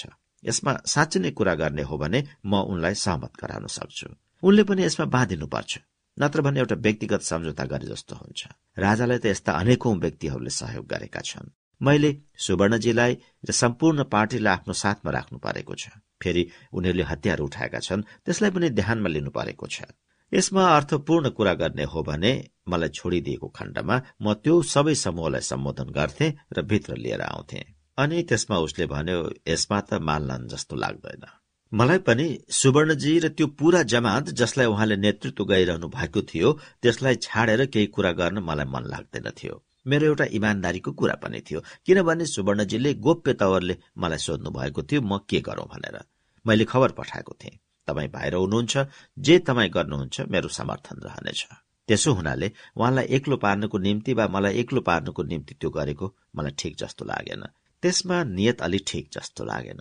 त्यस बखतमा एउटा समस्या थियो। राजालाई दबाव परिसकेको थियो त्यस आन्दोलनको। भयानक ठूलो दबाव परेको थियो। त्यो पछि मैले थाहा पाएँ। र राजा निराश थिए त्यस अवस्थामा के गरौं भनेर। त्यो त चिनिया मुठभेटले नै स्थिति बदलिदियो। त्यो मुठभेट नहुँदासम्म त उनी परास्त भइसकेका थिए। त्यस बेला सायद हुन्छ म राजासँग कुरा गर्छु भनेर बाहिर निस्किकन केही गरेको भए केही उपाय निस्किन्थ्यो कि? त्यो मलाई थाहा छैन। म जान्दिन। पछिका घटनाहरूको क्रमबाट मलाई के लाग्यो भने त्यो नगरेकै राम्रो भयो। मान्छेहरू भन्छन् यो भएको भए यस्तो हुन्थ्यो भनेर। मलाई लाग्छ जति कुरा भएको छ त्यो टार्न सम्भव भएन। जस्तै म उन्नाइस सय अडसठीमा जेलबाट छुटेर भारततिर गएको सम्बन्धमा धेरैले भन्छन् तपाईँ यही बसेको भए तपाईँलाई समात्ने थिएन। जयप्रकाशजीले पनि मलाई यो भनेका छन्। तर मलाई लाग्दछ जति कुरा भएको छ स्वाभाविक तवरले हुँदै गयो मलाई आठ वर्षसम्म जनताबाट सम्पर्क टुटाएर राखे। तर जयप्रकाशजी भन्थे म त्यो टुटेको सम्पर्क पुनः स्थापित गर्छु भनिकन। तिमीले देशभरि भ्रमण गर्नु पर्थ्यो जुन तिमीले स्वागत पायो विराटनगरमा अरू ठाउँमा त्यही तिमी पाउँथ्यौ अन्त पनि। त्यसले सरकारलाई परास्त गइदिने थियो। तिमीले हिन्दुस्तानमा आउनु हुँदैन थियो त्यो लाइन लिएको भए हुन सक्थ्यो कि? या त्यसमा कुनै दमनकारी नीतिहरू लागू गरिदिएको भए के हुन्थ्यो? जे होस् मलाई त्यो थाहा छैन। त्यहाँ त्यसको बारेमा मेरो समक्ष प्रश्नवाचक चिन्ह छ। म थुनिएको बखतमा एउटा त्यो घटना घटेको छ। मलाई त्यस बखतको मन्त्री परिषदको मान्छेले नै सायद ऋषिकेश शाहले नै पछि बनारसमा भनेका थिए कि त्यस बखत राजा एकदम घबराएका थिए। कमान्डर इन चिफले राजालाई भनेको रहेछ सरकार अब राजनैतिक समाधान खोज्नु पर्यो। मिलिट्री उपायले मात्र हुँदैन। किनभने हाम्रो आर्मीले धेरै फ्रन्टहरूमा भेट्नु परेको छ। अब कहीँ उनीहरूले कुनै अर्को ठाउँमा फ्रन्ट खोले भने बडो गाह्रो पर्छ। त्यसमा महाराजा धिराजले मन्त्री परिषदको मिटिङ गरेछन्। महाराजा धिराजले के भनेछन् भने अब म बिपी कोइरालालाई झिक्छु र म उसँग सम्झौता गर्छु। राजाले त्यसो भन्दा दुईजनाले त्यसको विरोध गरेछन् तुलसी गिरी र विश्वबन्धुले। उनीहरूले भनेछन् हामीलाई अलिक दिनको पन्ध्र दिनको समय बक्सियोस्। अनि त्यसको लगत्तै पछि चिनी आक्रमण भइहाल्यो र त्यसपछि त्यो हुने कुरै आएन। त्यसपछि फेरि हाम्रो हामीहरूको निरस जीवन सुरु भयो। न पढ्ने लेख्ने झगडा फसाद यो सब हुने। त्यसरी तीन चार वर्ष बितिसकेपछि पाँचौं वर्ष थियो क्यारे मलाई चिठीहरू आउन थाले नक्खु जेलबाट सुवर्णजीले पनि सम्पर्कद्वारा खबर पठाउनु भयो कि अब तपाईँले नै अग्रसर हुनु पर्यो यो बाहिरबाट केही हुँदैन। यहाँ हामीहरू सबै यसरी बन्द भएर त भएन भनेर नखुवालाहरूले भन्न थाले। सूर्यबाबु जब छुट्नु भयो मैले त उहाँसँग उम्मिद गरेको थिएँ। किनभने उहाँ बुझ्नुहुन्थ्यो। सूर्यबाबुसँग कुराकानी गर्दा अलिकति गहकिलो जस्तो प्रभाव दिनुहुन्थ्यो। उत्तेजनामा बोल्ने खालको मान्छे हुनुहुन्न थियो। सुवर्णजी नभएपछि म सूर्य बाबुसँग त्यस्तो संगत पाउँथे। उहाँ हामीहरूका साथ थुनामा पर्दा एउटा राजनैतिक स्तरको बहस होला भन्ने मलाई लागेको थियो। तर सूर्य बाबु हामीहरूसँग अलग अलग भएर बस्ने छुट्टै बस्ने उहाँले कोठा पनि कस्तो रोज्नुभयो भने त्यहाँ हतियारहरू वा खजाना राख्ने गरेको रहेछ। एउटा ढोका र त्यसपछि एउटा फलामे ढोका भएको कोठा थियो उहाँको। सूर्य बाबुले कसरी कसरी त्यहाँ मिलाउनु भयो? त्यहाँ बस्नु भयो र जहिले पनि त्यहाँ भित्र बन्द गरी बसिरहनुहुन्थ्यो र के के खुसखुस खुसखुस लेखिरहनुहुन्थ्यो। हामीहरू गयौं भने तकियाको तल त्यो राख्नुहुन्थ्यो। उहाँ लेखिरहनुहुन्थ्यो। के के लेखिरहनुहुन्थ्यो मलाई थाहा छैन। मेरो आफ्नो धारणा छ उहाँ बाहिर सन्देशहरू पठाइरहनुहुन्थ्यो। कसलाई लेख्नुहुन्थ्यो त्यो पनि म भन्न सक्दिन। मलाई लाग्दछ उहाँ दरबारमा पठाउनुहुन्थ्यो। उहाँलाई निर्देशन के थियो जस्तो लाग्छ भने कुनै तरिकाबाट तिमी बाहिर आऊ। र बीचबीचमा रुनुहुन्थ्यो। गणेश मान्जीको बगलमा थियो उहाँको कोठा। गणेश मान्जी भन्नुहुन्थ्यो रोयो भनेर। तर मलाई लाग्दछ ती सबै देखाउ कुराहरू हुन्। मेरो आफ्नो धारणा छ। त्यहाँ त्यति कमजोर उहाँ हुनुहुन्न थियो। उहाँलाई निर्देशन के थियो होला भने तिमीले जे गरे पनि तिमी टुट्यौ भन्ने गरिकन पनि निस्क। उहाँ बीचबीचमा मसँग कुरा गर्दा पनि बडो साहसी अनुहार लाएर कुरा गर्नुहुन्थ्यो। हाम्रा मान्छेहरू जितिरहेका छन्। कमान्डर इन चिफको खबर मलाई आयो। टेलिग्राम नै देखायो। मेरो भाइ शारदाले देख्यो भन्ने कुराहरू बेला बेलामा सुनाइरहनुहुन्थ्यो। तर आफू भने खुसखुस के के लेख्नुहुन्थ्यो केही थाहा हुँदैन थियो। उहाँ रिपोर्ट लेख्नुहुन्छ भन्ने भन्नुहुन्थ्यो अरूहरू गणेश मान्जीहरू मलाई लाग्थ्यो रिपोर्ट के लेख्नुहुन्थ्यो र उहाँ? हाम्रो बारेमा रिपोर्ट लेख्ने कुरै थिएन। उहाँ निन्याउरो भएर बस्नु भएको थियो। त्यो उहाँको स्वाङ थियो। भारतको उहाँलाई निर्देशन थियो होला कुनै तरिकाले बाहिर आऊ भनेर। भारतको जहिले पनि दुईटा आपसमा बाजिएका दुईटा दाँत हुन्थे जस्तो लाग्दछ। एउटा राजासँग टाँसिएर बस भन्ने र अर्को राजाको खिलाफ नडराउ भन्ने। जस्तो ठुल दाजुलाई पनि उनीहरूले नै उचालेका थिए र मेरो साथमा सुवर्णजी र सूर्यबाबुलाई लगाइदिएका थिए। सूर्यबाबुले त्यही गर्नुभयो जसबाट उहाँ छुट्न सक्नुहुन्थ्यो र त्यसरी गरेको दुई महिनापछि छुट्नुभयो उहाँ। छुट्दाखेरि अरूहरू आएर मसँग भेट्थे। उहाँले भेट्नु भएन। अर्को कुरा के हुन्थ्यो मलाई जेलमा भने गणेश मानजीको प्रवृत्ति एकदम आवेशको हुन्थ्यो। त्यो राजनीतिक एकदम हुँदैनथ्यो। किसुनजीको आध्यात्मिक हुन्थ्यो। मलाई के लाग्दथ्यो भने अब म कोसँग परामर्श गरौं राजनीतिक कुरामा? अब एकचोटि के भयो भने गिरिजाको चिठी आयो। अब जेलमा बसेर मात्रै भएन केही हामीले गर्नु पर्यो भनेर। मैले गणेश मान्जीलाई भने गणेश मान्जी एकदम भयानकसँग जाग्नु भयो माने गाली गलोजको भाषामा मसँग कुरा गर्नुभयो। उहाँले के भन्नुभयो भने मक्खन लगाउनुहोस् केमा भनेर। त्यही शब्दै प्रयोग गरेर भन्नुभयो। अनि मैले भने पनि यसरी यस्तो भाषा बोलेर त भएन। बरु भन्नुहोस् न यसको फाइदा के छ बेफाइदा के छ भनेर। र उहाँ फाइदा वा बेफाइदा उल्लेख गर्न पनि नसक्ने। फाइदा बेफाइदाको कुरा मैले किसुनजीलाई भने राजालाई मैले दुईचोटि चिठी लेखेको छु। पहिलोचोटि लेख्दा किसुनजीले भन्नुभयो लेखे हुन्छ। मैले भने तपाईँले मस्यौदा गर्नुहोस्। उहाँले मस्यौदा गर्नुभयो त्यसमा के के थियो तर कुनै खँदिलो कुरो थिएन। एकचोटि नयाँ सन्देशको सम्पादक आएको थियो रमेश पाण्डे। ऊ राति भेट्न आएको थियो। के भन्यो भने हिजो महाराज धिराजसँग मैले दर्शन भेटमा आएको थिएँ र मैले महाराज धिराजलाई बिन्ती गरेँ कि म बीपी कोइरालालाई भेट्न पाऊ। बीपीको पनि त यही राष्ट्रिय विचार हो। सरकारसँग त मतभेद होला जस्तो लाग्दैन। उहाँका चिठीहरू म पाउने गरेको छु। इत्यादि कुरा। राजाले भेट न त। भनेर भने अनि त्यसपछि मसँग उसले भेट्यो। भेटेर मसँग उसले के भन्यो भने तपाईँको बारेमा राजाको एकदम राम्रो धारणा छ र उनी समझदारी कायम गर्न खोजिरहेका छन्। राजालाई पनि बाटो चाहिएको छ। राजासँग तपाईँले एकपटक भेट्नु पर्यो। मेरो उद्देश्य नै त्यही छ राजासँग तपाईँलाई एकपटक भेटाउने। त्यसको निम्ति तपाईँले राजालाई एउटा चिठी लेख्नु पर्यो। राजालाई चिठी लेख्ने कुरामा किसुनजीले उति विरोध गर्नु भएन र भन्नुभयो लेकिन भाषा ठिक होना चाहिए अनि मैले भनेको थिएँ आफै ड्राफ्ट किजिए। अरूहरू त मसँग सहमत भइहाल्थे। रामनारायण योगेन्द्रमान र अरूहरू जो थिए ती सबै मसँग सहमत भइहाल्थे। र गणेशमानजीको विरोधको बावजुद पनि मैले चिठी लेखेँ राजालाई। मस्यौदा किसुनजीले गर्नुभयो। जब गणेशमानजीलाई देखाए हुन्छ पठाए हुन्छ भन्नुभयो। त्यहाँ किसुनजीले के लेख्नुभयो भने जो राजनीतिमा अहिले गतिरोध छ त्यो गतिरोधलाई हटाउनको निम्ति मसँग कुरा गर्न सरकारको पनि इच्छा भएको बुझिएकोले म यो बिन्ती पत्र लेख्दैछु। एकचोटि दर्शन पाऊ। केही त्यस्तै आशयको कुरा थियो त्यसमा। तर गतिरोधको कुरा र सरकारको पनि इच्छा भएको भन्ने कुरा मलाई लाग्यो राख्नु ठिक थिएन। जस्तो किसिमले लेख्नु पर्ने त्यो भएन तर मैले ठिक छ भनेर पठाइदिएँ। त्यसको जवाब आएन। त्यसपछि रमेशले मलाई फेरि भेट्यो अथवा लेख्यो अहिले सम्झना छैन। भन्यो के भने? त्यस्तो चिठी त मैले भनेको थिइनँ। खालि दर्शन पाऊ भनेको भए पुगिहाल्थ्यो नि। त्यो गतिरोधको कुरा र राजाले इच्छा गरेको भन्ने कुरा मिलेन। अग्रसरता त तपाईँले पो लिनुपर्ने। त्यस्तो चिठीको अपेक्षा राजा गर्दैनथे। उनी त तपाईँको अग्रसरतामा पो कुरा गर्न सक्थे। त्यस चिठीमा त राजाले कुरा गर्न पठाएको जस्तो देखियो भन्ने उसको गुनासो थियो। तर त्यो भयो जय होस्। अर्को एकचोटि मैले लेखेको छु। त्यसको एक डेढ वर्षपछि लेखेको छु। त्यसमा किसुनजीले पनि विरोध गर्नुभयो मान्दैन भन्नुभयो। किसुनजी सुरुमा मेरै गल्ती देखाउनुहुन्थ्यो। प्रधानमन्त्री भएर पनि यति कुरा पनि बुझ्न नसक्ने कि राजाले अब एक्सन लिन्छन्। एकचोटि त धेरै कडा बहस पर्यो। यही समझमा प्रधानमन्त्री हुनुभएको थियो भनेर त्यस्तो भाषामा बोल्नुहुन्थ्यो। हुँदा हुँदा त उहाँ एकदम राजा विरोधी भएर जानुभयो। मैले एकचोटि भने किशुनजीलाई चिठी लेख्नु पर्यो राजालाई फेरि। चिठी? अब तो हम लोगों ने तपस्या करके इतना ब्रह्म शक्ति पा लिया है कि अब राजा को अपने पैर पर झुकाएँगे। तब ब्राह्मण है, उनको आना पड़ेगा। वो झुकेंगे तो ब्राह्मण है, माफ़ कर दिया जाएगा। नहीं तो ब्रह्म तेज से जला सकते हैं उनको। यस्तो भाषामा किशुनजी बोल्नुहुन्थ्यो। गणेश मानजी भने यो कमजोर भयो बिक्यो भन्ने भाषामा बोल्नुहुन्थ्यो।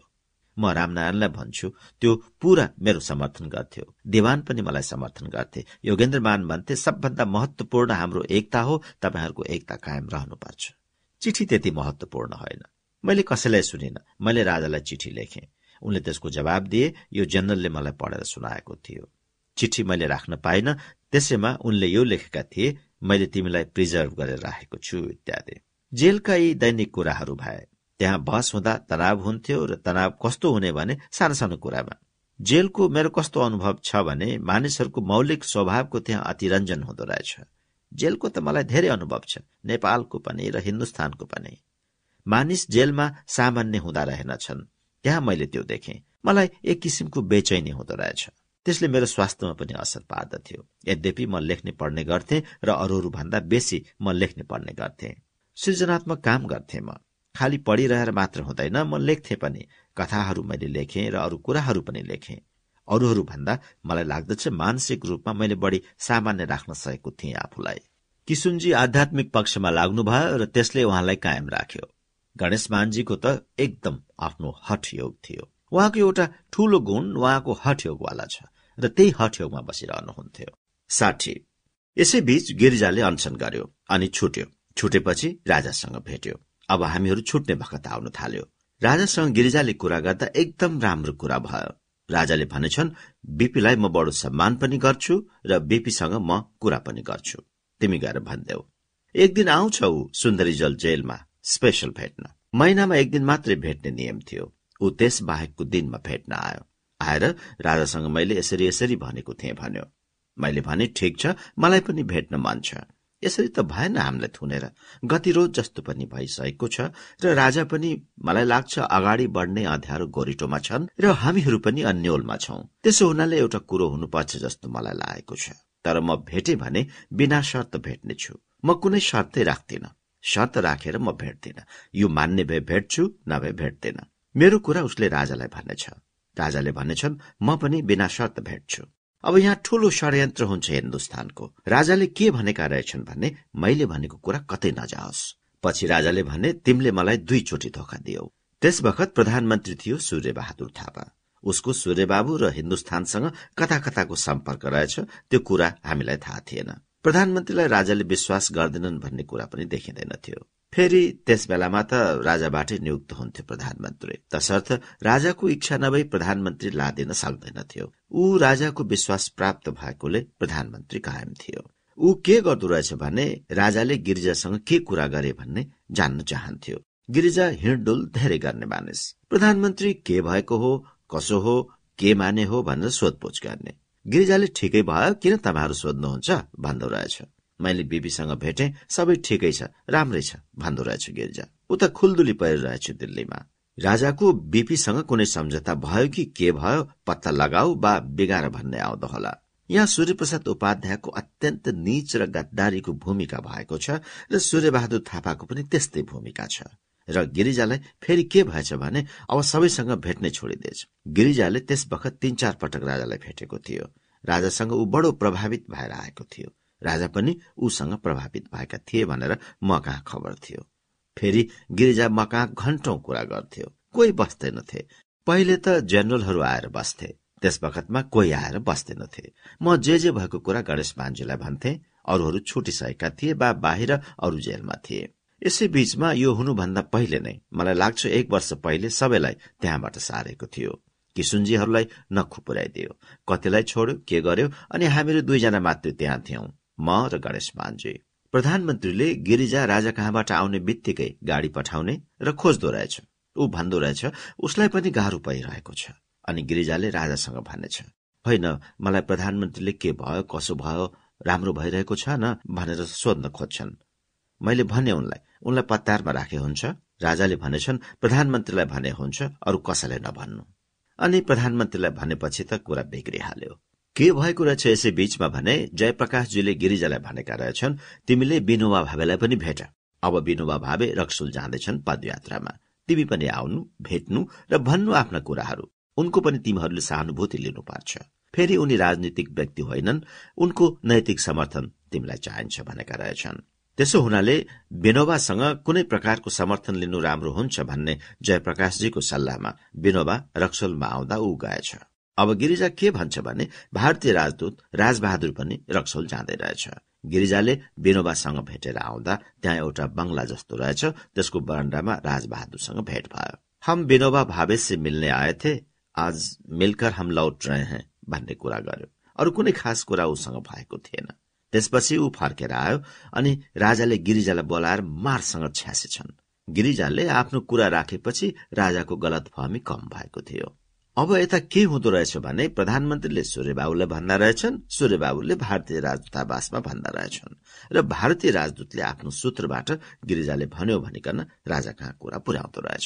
अनि कहाँ भन्यो भन्दा रक्सौलमा मलाई सबै कुरा भन्यो भनिकन राजालाई कुरा पुर्याउँदो रहेछ। राजाले एक दिन भेट्नको निम्ति सूर्यप्रसादलाई पनि लिएर आऊ भनेर गिरिजालाई भनेर पठाए। सूर्यप्रसाद पनि आउनुभयो मसँग भेट्न र आउँदाखेरि त्यही कुरा भयो मेलको। मलाई उहाँले त्यहाँ दुईचोटि भेट्नु भएको छ। भेटेर उनीहरू गए अनि मैले गणेश मान्जीलाई भने सूर्यबाबु पर्नुभयो अब बिग्रियो। गणेश मान्जीले त्यस बखत भन्नु भएन तर पछि भन्नुभयो मलाई तपाईँको त्यस पटकको त्यो भनाई पटक्क मन परेको थिएन। हामीलाई छोडाउन उनी यत्रो मेहनत गरिरहेका छन् उनलाई तपाईँले अब आयो बिगार्यो भन्नुभयो। गणेश मानजी मसँग एकपटक भयानक रिसाउनु भएको थियो। सूर्यबाबुको नियतमा शंका गर्यो भनेर। त्यसपछि पहिलो भेटको तीन चार दिनपछि फेरि सूर्यबाबु आउनुभयो। गिरिजा आयो। एकपटक गिरिजा आयो भारतीय राजदूतको एउटा चिठी लिएर र राजाको एउटा स्लिप थियो टाइप गरेको के के कुरा गर्ने विषयको। भूमि सुधार इत्यादि विषयहरू थिए। बीपीको त्यस सम्बन्धमा के के विचार छ बुझेर आऊ भनेको रहेछ। मैले भने पछि त्यो मनै कुरा गरिहाल्छु। राजाले भनेका रहेछन् मेरो र बीपीको कुरा भयो भने यही ठाउँमा यही म बोलाउँछु र यही बैठकमा कुरा गर्छु। कुरा मिल्यो भने छोडिदिन्छु छोडे मात्र दिन्न म सल्लाह गरेर काम गर्छु। कुरा मिलेन भने बस्छन्। त्यसै ताका गिरिजाकी दुलै सुषमा आगो लागेर मरेकी थिइन्। त्यस काण्डको वेदनालाई गिरिजा ध्यानै नदिएर यो सारा कुरा मिलाएर वार्ताको लागि लागिरहेको थियो र गिरिजाको महत्व त्यस बखतमा देखिएको थियो। गणेश मान्जीले भन्नुभयो गिरिजा त्यत्रो कुशल वार्ताकार छ भन्ने मलाई थाहा थिएन। राजनैतिक रूपमा त्यति परिपक्व छ भन्ने लागेको थिएन। अनि त्यो चिठीको कुरा आयो भारतीय राजदूतको चिठी। मैले भने त्यो चिठी किन लिएर आएको? म बन्दीले उसलाई चिठी लेख्ने होइन। फर्काइदिए यो चिठी। चिठी सिल बन्द थियो अनि उसले भने तपाईँले चिठी पढ्नमा के आपत्ति छ? फेरि मैले राजालाई पनि सोधेर यो चिठी ल्याएको छु। मलाई चित्त बुझ्यो र फेरि मलाई जिज्ञासा पनि थियो त्यस चिठीमा के छ? भनेर। पहिले त मैले फर्काइदिए भनेको थिएँ। तर त्यसपछि मैले लिएँ र पढेँ। त्यसमा के लेखेको थियो भने तपाईँका मित्रहरू कोसिसमा छन् तपाईँलाई छुटाउनको लागि। सुवर्णजीले पनि एउटा पहल गर्नु भएको छ। तपाईँले सुवर्णजीको लाइनलाई समर्थन नगर्ने जस्तो भन्नुभएको छ। त्यसले गर्दा अलिकति गाह्रो पाइरहेको छ। सुवर्णजीको वक्तव्यका प्रति तपाईँको विचार जान्न पाए तपाईँका मित्रहरूलाई मद्दत हुने थियो। सुवर्णजीको वक्तव्य आउने बेलाकै यो कुरा थियो। त्यसभन्दा पहिले नै राजासँग गिरिजाको वार्ता शुरू भएको छ। राजालाई र मलाई भेटेपछि सुवर्णजीलाई गएर कलकत्तामा भेटेछ। राजासँग कुरा हुँदा सहमति भएको आधारमा सुवर्णजीले एउटा वक्तव्य दिने भएछ। हाम्रो सम्मान कायम रहने किसिमको वक्तव्यको एउटा मस्यौदा गिरिजाले गरेको रहेछ। राजाले हेरी समर्थन गरेका रहेछन्। ल यसलाई सुवर्णले देऊन् मलाई आपत्ति छैन भनेछन् राजाले। त्यो लिइकन ऊ कलकत्ता गएछ। सुवर्णजीले स्वीकार गर्नुहोस् भन्दा उहाँले समय माग्नु भएछ। उसले पर्खिनुपर्ने भएकोले ऊ फर्क्यो। सुवर्णजी दिल्लीतर्फ जानुभयो कि के गर्नुभयो त्यस वक्तव्यलाई नरम पार्दा पार्दै झन् राजालाई अनुकूल हुने वक्तव्य आएको छ उहाँको। त्यस वक्तव्यको मस्यौदाको सम्बन्धमा राजासँग गिरिजाको कुरा हुँदा अब सुवर्णले त्यसभन्दा अनुकूल हुने वक्तव्यको मस्यौदा मलाई दिएका छन्। अब अघिका कुरा छोड भनेछन् राजाले। सुवर्णजीको त्यो वक्तव्य हेर्दा त हामीले समर्पण गरेका छौं जस्तो लाग्छ। सबै कुरा मान्ने सक्रिय नेतृत्वको जस्तो कुरा पनि छ क्यारे र कम्युनिष्टहरूको हौवा पनि देखाएको छ क्यारे। क्रमिक विकासको कुरा पनि छ तर राम्रो छैन त्यो वक्तव्य। यसको सम्बन्धमा गिरिजा बढी भन्न सक्छ। मैले डायरीमा पनि लेखेको छु केही कुराहरू। अनि गिरिजासँग सूर्यबाबु आउँदा मलाई लाग्यो अब कुरा बिग्रियो भन्ने। त्यसपछि दोस्रो पटक सूर्यबाबु आउनुभयो। राजाको सक्रिय नेतृत्व मान्ने इत्यादि शर्तको सम्बन्धमा कुरा गर्न। मैले भने शर्त राखेर भेट्ने हो भने म भेट्दैन। एकपटक राजाले गिरिजा र सूर्यबाबुलाई एकै समयमा भेट्न बोलाएका थिए। गिरिजा जाँदा सूर्यबाबुलाई पर्खाइराखेको रहेछ। पहिले उनले गिरिजालाई नै भेटेछन् र पछि सूर्यप्रसादलाई गिरिजालाई राखेरै भेटेछन्। त्यसमा सूर्यबाबुले त्यही शर्त इत्यादिको कुरा गर्नुहुँदा गिरिजाले राजाकै सामुन्ने सूर्यबाबुलाई झापारेछ। त्यसै दरम्यान गिरिजाले मसँग कुरा गरिसकेपछि राजासँग भेटेछ। राजाले शर्तको कुरा गरे र सोधेछन् के भन्नुभयो तपाईँको दाजु बेबीले गिरिजाले भनेछन् बिना शर्त भेट्ने हो भने भेट्छु नत्र भेट्दैन। राजाले रिसाएर भनेछन् मैले आठ वर्ष राखे अस्सी वर्ष पनि राख्न सक्छु। त्यसो भए ल त कुरा टुट्यो अब अरू कुरा गर्नु पर्दैन। यही कुरा तपाईँले भनिदिए हुन्छ आफ्नो दाजुलाई त्यसपछि गिरिजालाई परेशानी भयो। गिरिजालाई मेरो स्वास्थ्यको अवस्था खराब छ भन्ने थाहा भएकोले ऊ आत्तिएको थियो। आत्तिएर के गर्ने भन्ने चिन्तामा थियो। एकपटक तपाईँको दाजुलाई भेट्नुहोस् भने भनेका थिए राजाले। अब भेट्ने के काम छ र? भनेको रहेछ गिरिजाले। तर सूर्यबाबुले गिरिजालाई सम्झाउनु भएछ यो अन्तिम हो। तपाईँ त्यति गरेर भनिदिनुहोस्। किनभने तपाईँ एकपटक यस बाहनाबाट भेट्न त पाउनुहुन्छ। अब त भेट्न पनि पाउनुहुने छैन। भेट्नुहोस्। तबसम्ममा मैले बसेर एउटा चिठी लेखेँ गिरिजालाई। मलाई थाहा थिएन गिरिजा भेट्न आउला भनेर। त्यो चिठी कुनै प्रकारले बाहिर पठाउला भन्ने लागेको थियो तर गिरिजा आइपुगिहाल्यो। कसरी आइस त भनेर मैले सोद्धा त्यही बतायो सूर्यबाबुले भन्नुभयो भनेर। नत्र त मैले भन्ठानेको थिएँ भेट्नमा अब कुनै अर्थ छैन भन्यो। अनि मैले भने मेरो भन्ने कुरा यही हो मैले चिठी पनि लेखेको छु लामो चिठी छ भारतीय राजदूतलाई पनि धन्यवाद दिनु र भन्नु कि यो हाम्रो राजा र हाम्रो कुरा हो। यसमा तपाईँले मैत्रीपूर्ण अभिरुचि लिए पनि हामीहरू आफ्नो समाधान आफै खोजौला। हाम्रो कुरामा धेरै अभिरुचि नलिनुहोस्। र राजालाई भनिदिनु कि हामी यसयस कारणबाट सहमत हुन सकेनौ। मैले त्यो चिठी राम्रो लेखेको थिएँ। गिरिजालाई दिएँ। गिरिजा त गहभरि गरेर अब त भेट हुँदैन भनेर गयो। तर राजाले फेरि बोलाएछन् र भनेछन् के भयो त? तपाईँको दाजुको प्रतिक्रिया के भयो त? गिरिजाले यी चिठी छ मलाई चिठी लेख्नु भएको छ भनेर भनेछ। हेरौं म चिठी हेर्न सक्छु भनेर राजाले सोधेछन्। गिरिजाले मेरो चिठी दियो। चिठी फेरि पढे फेरि पढे। अनि भनेछन् मलाई दिन्छौ म कपी गरेर तिमीलाई फर्काइदिन्छु भनेर लिएछन्। त्यस्तो त्यो चिठी थियो मेरो। त्यसपछि के के भयो? राजासँग गिरिजाको वार्ता भङ्ग भयो। गिरिजा परेशान भएर जयप्रकाशजी कहाँ पुग्यो। जयप्रकाशजीले भनेछन् अब बिपीका मित्र र नातेदारहरूले मुटु दरो पार्नु पर्यो। मर्न पनि सक्दछन् उनी। देशको निम्ति आदर्शको निम्ति बलिदान हुन थालेका छन्। अब हामीले आफ्नो मुटु दरो पार्नुपर्छ त्यस्तो अवस्था भइसकेको थियो। त्यसपछि एक दिन त अचानक सूर्यबाबु आउनुभयो। सूर्यबाबु मात्रै आउनुभयो सुशीलालाई लिएर। म छक्क परे। राजाले भने रे सूर्यबाबुले भनेको कि सुशीलाजीले पनि मलाई आश्वासन दिए पुग्छ किनभने सुशीलाजीमाथि मेरो विश्वास छ। एउटा वक्तव्यको मस्यौदा उहाँले लिएर आउनु भएको थियो। मस्यौदाका धेरै प्रतिलिपिहरू पनि गरेर ल्याएको थियो। टाइप गरेको थियो मैले पढे। त्यसमा अलिकति सच्याउने कोसिस गर्दै हुनुहुन्थ्यो। मैले भने अह मलाई जे गर्नु छ म गरिहाल्छु नि। त्यसलाई अलिकति सच्याएँ पनि मैले। अब त्यो मेरो गल्ती होस् अथवा जे होस् त्यो गरे। त्यही दिन बेलुका जेनरल आयो र मलाई चाबेलमा लिएर आयो।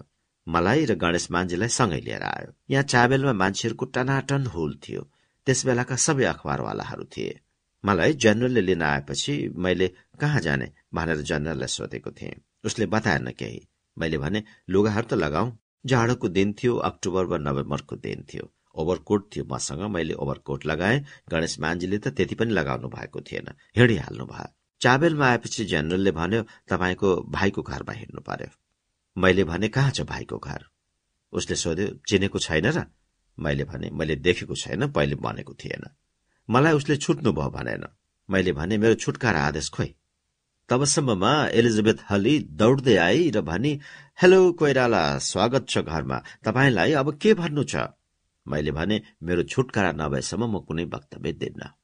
त्यस जनरललाई छुटकारा गर्ने कुनै आदेश रहेनछ पुर्याउन मात्रै भनेको रहेछ छोडिदिनु भनेको रहेनछ म पनि बसिरहेको छु जीपमा। म यो कुरा पार्न चाहन्नथे कि म वक्तव्य दिएर छुटेको हुँ। छुटे पनि त म आफ्नो मन बमोजिम गर्न स्वतन्त्र हुन्थे। थुनामा रहँदै म सुवर्णजीको वक्तव्यको समर्थन गर्न सक्दिनथे छुटेपछि त गर्ने नगर्ने मेरो स्वतन्त्रता हुन्थ्यो। मलाई लाग्छ त्यो मैले ठिकै गरेको थिएँ। जेनरलले कहाँ कसलाई फोन गर्यो र भन्यो अब तपाईँ छुट्नु भयो अनि छुटकारा भएपछि मेरो वक्तव्य आएको छ। त्यहाँ पुलिसहरूलाई पर राखिराखेको थियो। वक्तव्य खराब आयो भने फेरि पक्रन्छ भन्ने भान पारेको थियो।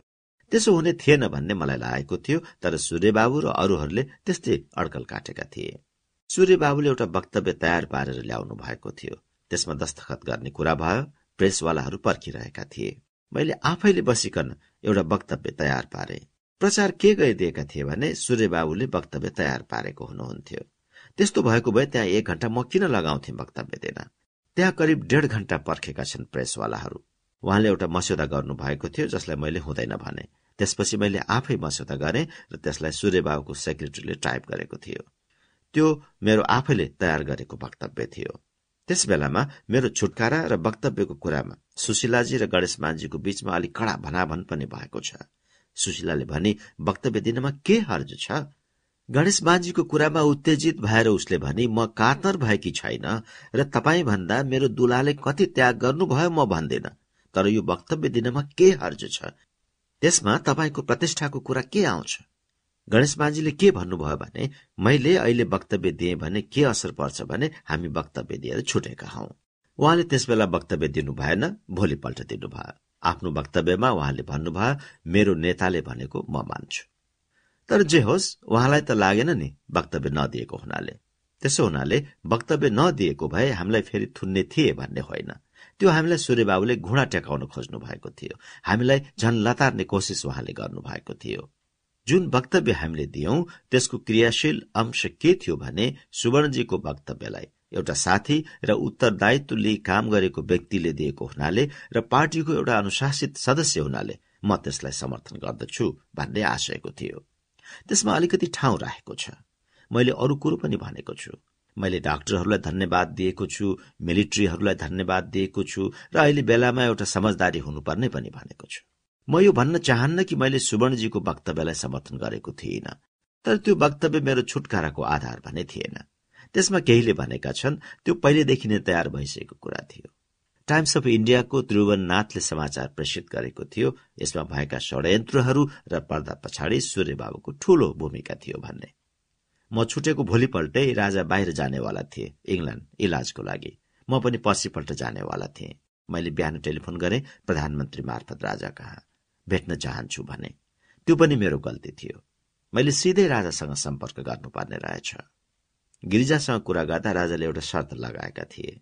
राजाको भनाइ थियो छुटेको एक वर्षसम्म बिपीले चुप लागेर बसुन्। त्यसपछि मैले उनले भनेको सबै थोकाछु एक वर्षसम्म केही नगरून्। उनले मसँग सम्झौता भएर सबै कुरा गइरहेको जस्तो उनी देखाउन चाहँदैनथे। जब गिरिजासँग उनको वार्ता भङ्ग भयो त्यसका साथसाथै यो कुरा पनि कायम रहेन। म त्यसपछि राजासँगको त्यस्तो कुनै समझदारीमा थिएन एकसठी छुटकारापछि जब राजालाई भेट्छु भने प्रधानमन्त्रीले के खबर पठाए भने राजाले भनेका छन् जाने तर्खरमा छु प्याकिङ गर्नुपर्ने र उनलाई पनि इलाजको निम्ति जानु छ। त्यसो हुनाले पछि आएर भेटौँला भोलिपल्ट राजा गए। सबैले अपेक्षा गरेका थिए कि राजालाई विदा गर्दा जाउँला। म गइन। मैले के ठाने भने राजाले मलाई भेट्न चाहँदैनन् भने उनलाई एयरपोर्टमा भेट्न गएर म अप्ठ्यारो पार्न चाहन्न। राजाले आउला भन्ने अपेक्षा गरेका रहेछन्। पछि मलाई अरूहरूले भन्थे राजा बडो साधारण तरिकाबाट गएका थिए। कमर्सियल फ्लाइटमा आठवटा सिटहरू रिजर्भ गरेका थिए। छुटेको भोलिपल्ट मैले भेटघाट गरे साथीहरूसँग। पर्सिपल्ट म पनि यहाँबाट गएँ कलकत्ता। सुवर्णजी त्यही हुनुहुन्थ्यो। कलकत्ता जाँदा विराटनगरमा प्लेन रुकेको थियो। म त्यहाँ रुक्ने अवस्थामा थिइनँ। मेरो अवस्था ठिक थिएन। इलाजको लागि मैले बाहिर जान जरुरी भएको थियो। म इलाजको लागि कलकत्ता भएर बम्बई जाँदै थिएँ। एउटा सानो अपरेसन भएको थियो र त्यसबाट एउटा सानो गिर्खा निस्क्यो। क्यान्सर हस्पिटलमा पनि गए। तर अपरेसन बीच क्यान्टी हस्पिटलमा भएको थियो। बिस्तारै बिस्तारै निको भए म हिन्दुस्तानमा गएपछि जयप्रकाशजीसँग मेरो भेट भयो। त्यस अवधिमा म खुब खुबै महाराष्ट्र गए गोवा गए कोल्हापुर गए सबतिर गए। घुमेर आउँदा महाराजा धिराज पनि फर्केर आएका थिए बम्बई। म महाराजा धिराजलाई स्वागत गर्न गए एयरपोर्टमा। एयर इण्डियाको फ्लाइटबाट रोम भएर आएका थिए। मेरो जाने मन थिएन तर सबले सल्लाह दिए। गएको राम्रो भयो जस्तो लाग्छ। मेरो तर्फबाट पनि एउटा संकेत भयो। राजाले त्यस संकेतलाई फर्काएनन्। म र सुशीला गएका थियौं। त्यहाँ भारत सरकारको तर्फबाट मलाई बस्ने राम्रो प्रबन्ध गरेका थिए। राजा ओर्लने बित्तिकै सबभन्दा पहिले स्वागत गर्यो गभर्नरले र अनि मुख्यमन्त्रीले। त्यसपछि सुशीला र मैले स्वागत गर्यौं। राजालाई मैले प्रणाम गरे। पहिले उनले नदेखे जस्तो गरे पछि फर्केर आएर कस्तो छ? भनेर सोधे। मैले ठिक छ भने। मैले अखबारमा पढे अपरेसन भएछ भनेर भने। तर अहिले ठिक छ भनेर सोधे। मलाई पनि राम्रो छ भने सुशीलाले। सुशीलासँग एक दुई कुरा अरू सोधेर जाउँ है भनेर गए। त्यहाँ त्यति मात्रै कुरा भयो। त्यसपछि मैले दस बजेतिर फोन गरेँ। मिलिट्री सेक्रेटरीले कुरा गरे। सन एन्ड सान्स भन्ने त्यहाँ एउटा पाँच तारे होटेल छ। राजा त्यहाँ बसेका थिए। मैले भने म राजासँग दर्शन गर्न चाहन्छु। म आज बिन्ती गरेर खबर पठाउँछु भनेको थियो। एक डेढ घण्टापछि खबर के दिए भने महाराजा धिराजबाट हुकुम भयो। बिपी पनि ओखती गर्न आएको र म पनि अलिकति आराम गर्न आएको। यहाँ किन भेट्ने? पछि भेटौँला। मलाई त्यो मन परेन। त्यसबाट एउटा पृष्ठभूमि तयार हुन थाल्यो। बम्बईको इलाज इत्यादिको काम सकेर म गएँ बनारस गएँ पटना गएँ। सबै ठाउँहरूमा ठूला स्वागतहरू भए। नेपालीहरूद्वारा र भारतीयहरूद्वारा खास गरेर विद्यार्थीहरूद्वारा। मैले आफ्ना विचारहरू भन्दै गएँ। पटनामा त झन ठूलो स्वागत भयो मेरो। पटनाबाट म विराटनगर गएँ। त्यसपछि सार्वजनिक सभा भयो। सभामा मैले बोलेका कुराहरू त अखबारैमा निस्किसकेका छन्। मैले के के बोले भनेर। मैले भनेको थिएँ राजा र प्रजा मिल्नुपर्छ। म यस्तो ठाउँमा राजालाई उभ्याउन चाहन्छु जुन ठाउँमा म पनि उभिएको छु। त्यसो हुनाले त्यस्तो व्यवस्था हुनु पर्यो यहाँ काठमाडौँमा त्यसको तीव्र प्रतिक्रिया भयो। राजासँग आफूलाई उभ्याउन खोज्ने भनेर मेरो विरोध गरे। मैले त्यहाँ अर्को कुरा पनि भनेको छु। यो दुई हजार सत्र सालको काण्ड राजा र प्रजालाई अलग गर्ने काण्ड हो। यो जनहितको लागि भनिएको छ तर जनताको अधिकार खोसेर कसरी जनहित हुन सक्छ? त्यो म बुझ्न सक्दिन। अहिलेको संविधानको बारेमा पनि म बोलेको छु। संविधान धेरै महत्वको कुरो होइन। के लेखिएको छ संविधानमा त्यो महत्वपूर्ण होइन? त्यसको भावना महत्वपूर्ण हुन्छ भनेको छु मैले। महत्वपूर्ण कुरा के भएको छ भने मेरा ती भाषणहरूको विरूद्धमा भयानक ठूलो प्रतिक्रिया सृजना गराइयो काठमाडौँमा। अखबारहरूमा धुवाधार विरोध चलिरहेको छ। मैले भने स्वदेश भनेको राष्ट्र भनेको जनता हो माटो होइन। अचेल त अलि फरक ढंगले भन्दछु। त्यसबेला भनेको थिएँ नदी नाला यी सबै केही कुरा होइनन्। जनता हो राष्ट्र भनेको। कुनै चमत्कारद्वारा नेपालबाट मान्छेहरू लोप भए भने नेपाल रहँदैन। राष्ट्र भनेको कुनै भौगोलिक इकाइ होइन जनप्रिय इकाइ हो भनेर मैले भनेकोमा प्रधानमन्त्री थापाले जवाब दिएको छ। राष्ट्र भनेको नदी हो पहाड़ हो इत्यादि। मलाई लाग्छ सूर्य बाबुले आफ्नो जीवनको पहिलो र अन्तिम पटक आफ्नो अग्रसरतामा भोपा बजाएर मिटिङ हुन्छ बसन्तपुरमा भनेर मिटिङ गर्नुभयो। मैले बुझिराखेको थिइन के भइरहेको थियो किन यसो भइरहेको छ भनेर। आजकल पो यी कुराहरू धेरै बुझ्न लागेको छु।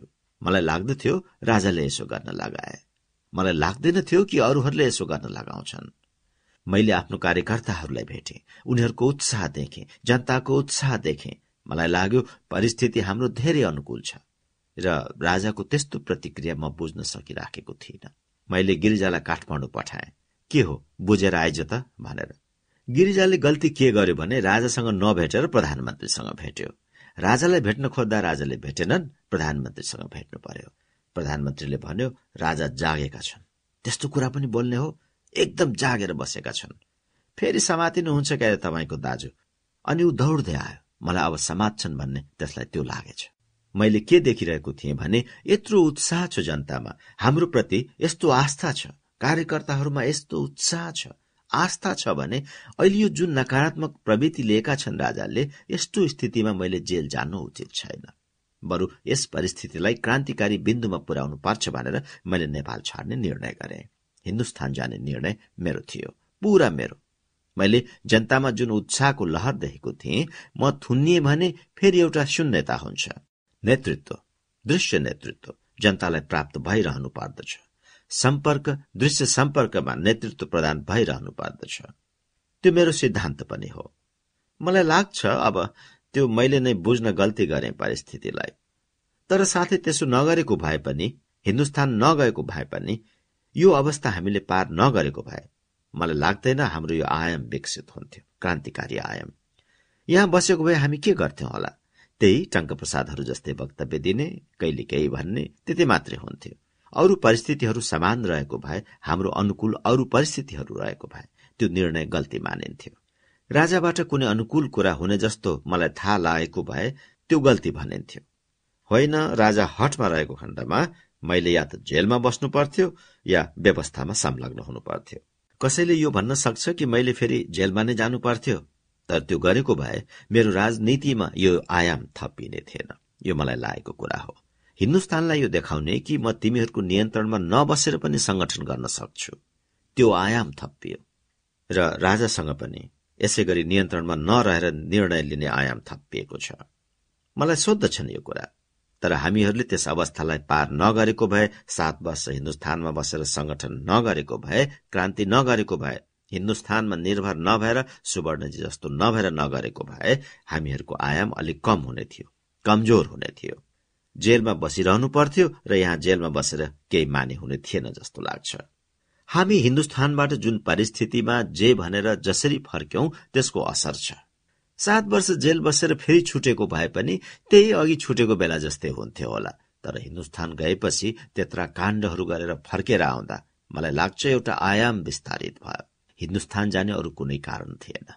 अनि गिरिजा आयो काठमाडौँबाट बिहानको प्लेनमा। तत्काल गाडी लियौं त्यही दिन हामी दिउँसो हिँड्यौं। भरे राति पटना आयौं। पटनामा एक दुई दिन बसेर बनारस। बनारस आएपछि त त्यो गल्ती भइहाल्यो। बैसठी। मलाई यसै बीचमा दुईटा घटना भन्न मन लागेको छ। त्यसले सामन्ती चरित्र र औद्योगिक उदार बुर्जुवाको बीचको अन्तरलाई स्पष्ट गर्छ। सामन्ती औद्योगिक चरित्र भएको सोभियत संघ र चीन एवं औद्योगिक उदार बुर्जुवा चरित्र भएको। अमेरिका र बेलायतका व्यवहारहरूमा भएका भिन्नतालाई यी घटनाहरूबाट बुझ्न सकिन्छ। सोभियत संघ यद्यपि औद्योगिक राष्ट्र हो त्यसको चरित्र सामन्ती नै छ। मेरो जानकारीमा यो भेद प्रदर्शित गर्ने दुईवटा घटनाहरू छन्। राजा मेरो पालोमा एकचोटि अमेरिकाको राजकीय भ्रमणमा गएका छन् र अर्कोचोटि बेलायतको भ्रमणमा गएका छन्। सोभियत संघ म प्रधानमन्त्री हुनुभन्दा पहिले नै गइसकेका थिए। उनी अमेरिका जाने बखतमा अमेरिकी राजदूत भर्खर भर्खर यहाँ नियुक्त भएको थियो। त्यसभन्दा अघि दिल्ली स्थित राजदूतले नै यहाँको काम हेर्थ्यो र यहाँ राजदूतावास खुलेको थिएन। मेरो समयमा खुल्यो। अमेरिकी राजदूतलाई यहाँको दरबारको चालचलन केही थाहा थिएन। त्यो राजदूत स्टेभेन्स भन्ने मलाई बडो असल लाग्थ्यो। दरबारका मान्छेहरू योसँग सहयोग गर्दैनथे। म दरबारका मान्छेहरूसँग भन्थे उनीहरूसँग सहयोग गर। जस्तो राजा अमेरिकाको राजकीय यात्रामा जाने भए। राजकीय यात्रामा जाँदा कहाँ कहाँ राजालाई जाने मन छ के के हेर्ने मन छ त्यो उसले जान्नु पर्थ्यो। उनीहरूले आफ्नो मनले बनाइदिएर त हुँदैनथ्यो छलफल हुँदैनथ्यो अनि त्यो मसँग सोध्थ्यो। मैले भने राम्रो कुरा त के हुन्छ भने तिमी नै राजासँग भेटिकन मिलाऊ त्यसलाई। राजासँग त्यसले भेट्न सकेन। कत्रो गाह्रो पर्यो। कत्रो गाह्रो पर्यो भने त्यसले बल्ल तल्ल राजासँग भेट्न पायो। अरू कुरा त सबै चुल्झ्यो एउटा समस्या बाँकी रह्यो। त्यो के भने राजालाई स्वागत गर्न आयोजनाहरूले एयरपोर्टमा आउनुपर्छ। सामान्यतया ऊ एयरपोर्टमा कम्ती जान्थ्यो। व्हाइट हाउसको चौरमा ऊ स्वागत गर्थ्यो र धेरै जस्तो राष्ट्र अध्यक्षहरूलाई उसले त्यसै गरी नै स्वागत गरेको थियो। त्यस कुराको आग्रह भयो यताबाट। र मैले पनि भने कि राजा जस्तो राष्ट्र अध्यक्षलाई एयरपोर्टमा नै स्वागत गर्नु बेस हुन्छ। उसले के भन्यो भने आइसुनाहरूलाई स्ट्रोक भइसकेको छ। जाडोको बखत छ स्वागत गर्न टोपी खोलेर जानुपर्छ। त्यो उसलाई बडो अप्ठ्यारो पर्न सक्दछ। त्यसकारण मात्रै हो कुनै असम्मान गर्नलाई व्हाइट हाउसको चौरमा स्वागत गर्ने कुरा गरेको होइन भनेर स्पष्टीकरण दियो। मैले यो स्पष्टीकरण राजालाई पनि बताऊ भने किनभने त्यसमा म धेरै हस्तक्षेप गर्न चाहिरहेको थिइनँ। यस विषयमा कुरा भएछ उनीहरूसँग र पछि आइजनहावर एयरपोर्टमा नै स्वागत गर्न आयो। जाडो असाध्य थियो। बल्ल तल्ल ऊ आएछ उसको समस्या थियो जाडोमा स्ट्रोक हुने डर र पछि त उसलाई भयो पनि। सम्भवतः त्यस जाडोले नै पछि त्यसलाई स्ट्रोक भयो। अर्को कुरा थियो राजालाई केही उपहार दिने। राष्ट्रपतिले अतिथि राष्ट्र अध्यक्षलाई कुनै उपहार दिने कुरा थियो। मसँग सल्लाह लियो के गर्ने हो भनेर। मैले भने तिमीले राजासँग भेट्दाखेरि भन्न अप्ठ्यारो होला। त्यसो हुनाले दरबारका सचिवहरूसँग सोधेनौ? अह मलाई तिमीले नै कुनै सल्लाह दिनु पर्यो भने उसले। मैले भने यो त तिमीले तय गर्ने कुरा हो। तर तिमीलाई राजा रुस जाँदा दिएको उपहार थाहा होला। उनीहरूले त राजालाई एउटा इल्युसन प्लेन दिएका थिए उपहारमा। तिमीलाई निर्णय गर्न त्यो एउटा आधार हुन सक्दछ। उसले भन्यो हामी उपहार दिने कुरामा उनीहरू जति धनी छैनौ। अनि उनीहरूले कुनै साधारण तर कलात्मक महत्वको कुनै उपहार दिएछन्। एउटा औद्योगिक उदार बुर्जुवा समाजले दिन सक्ने स्वागत सत्कार र उपहारको यो दृष्टान्त थियो।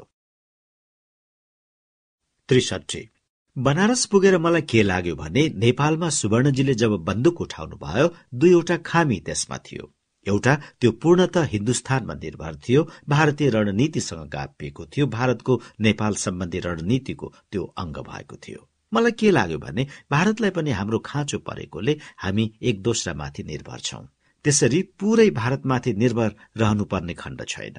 एउटा त्यो मेरो मौलिक अनुमान थियो। अर्को मेरो आधारभूत अनुमान के थियो भने जनतामा क्रान्तिकारी उत्ताप छ र एउटा दृढ निश्चय सानो समूहले क्रान्तिकारी कार्य गर्यो भने जनताको अपार समर्थन पाइन्छ। जनता परिवर्तन चाहन्छ तर डराएको छ।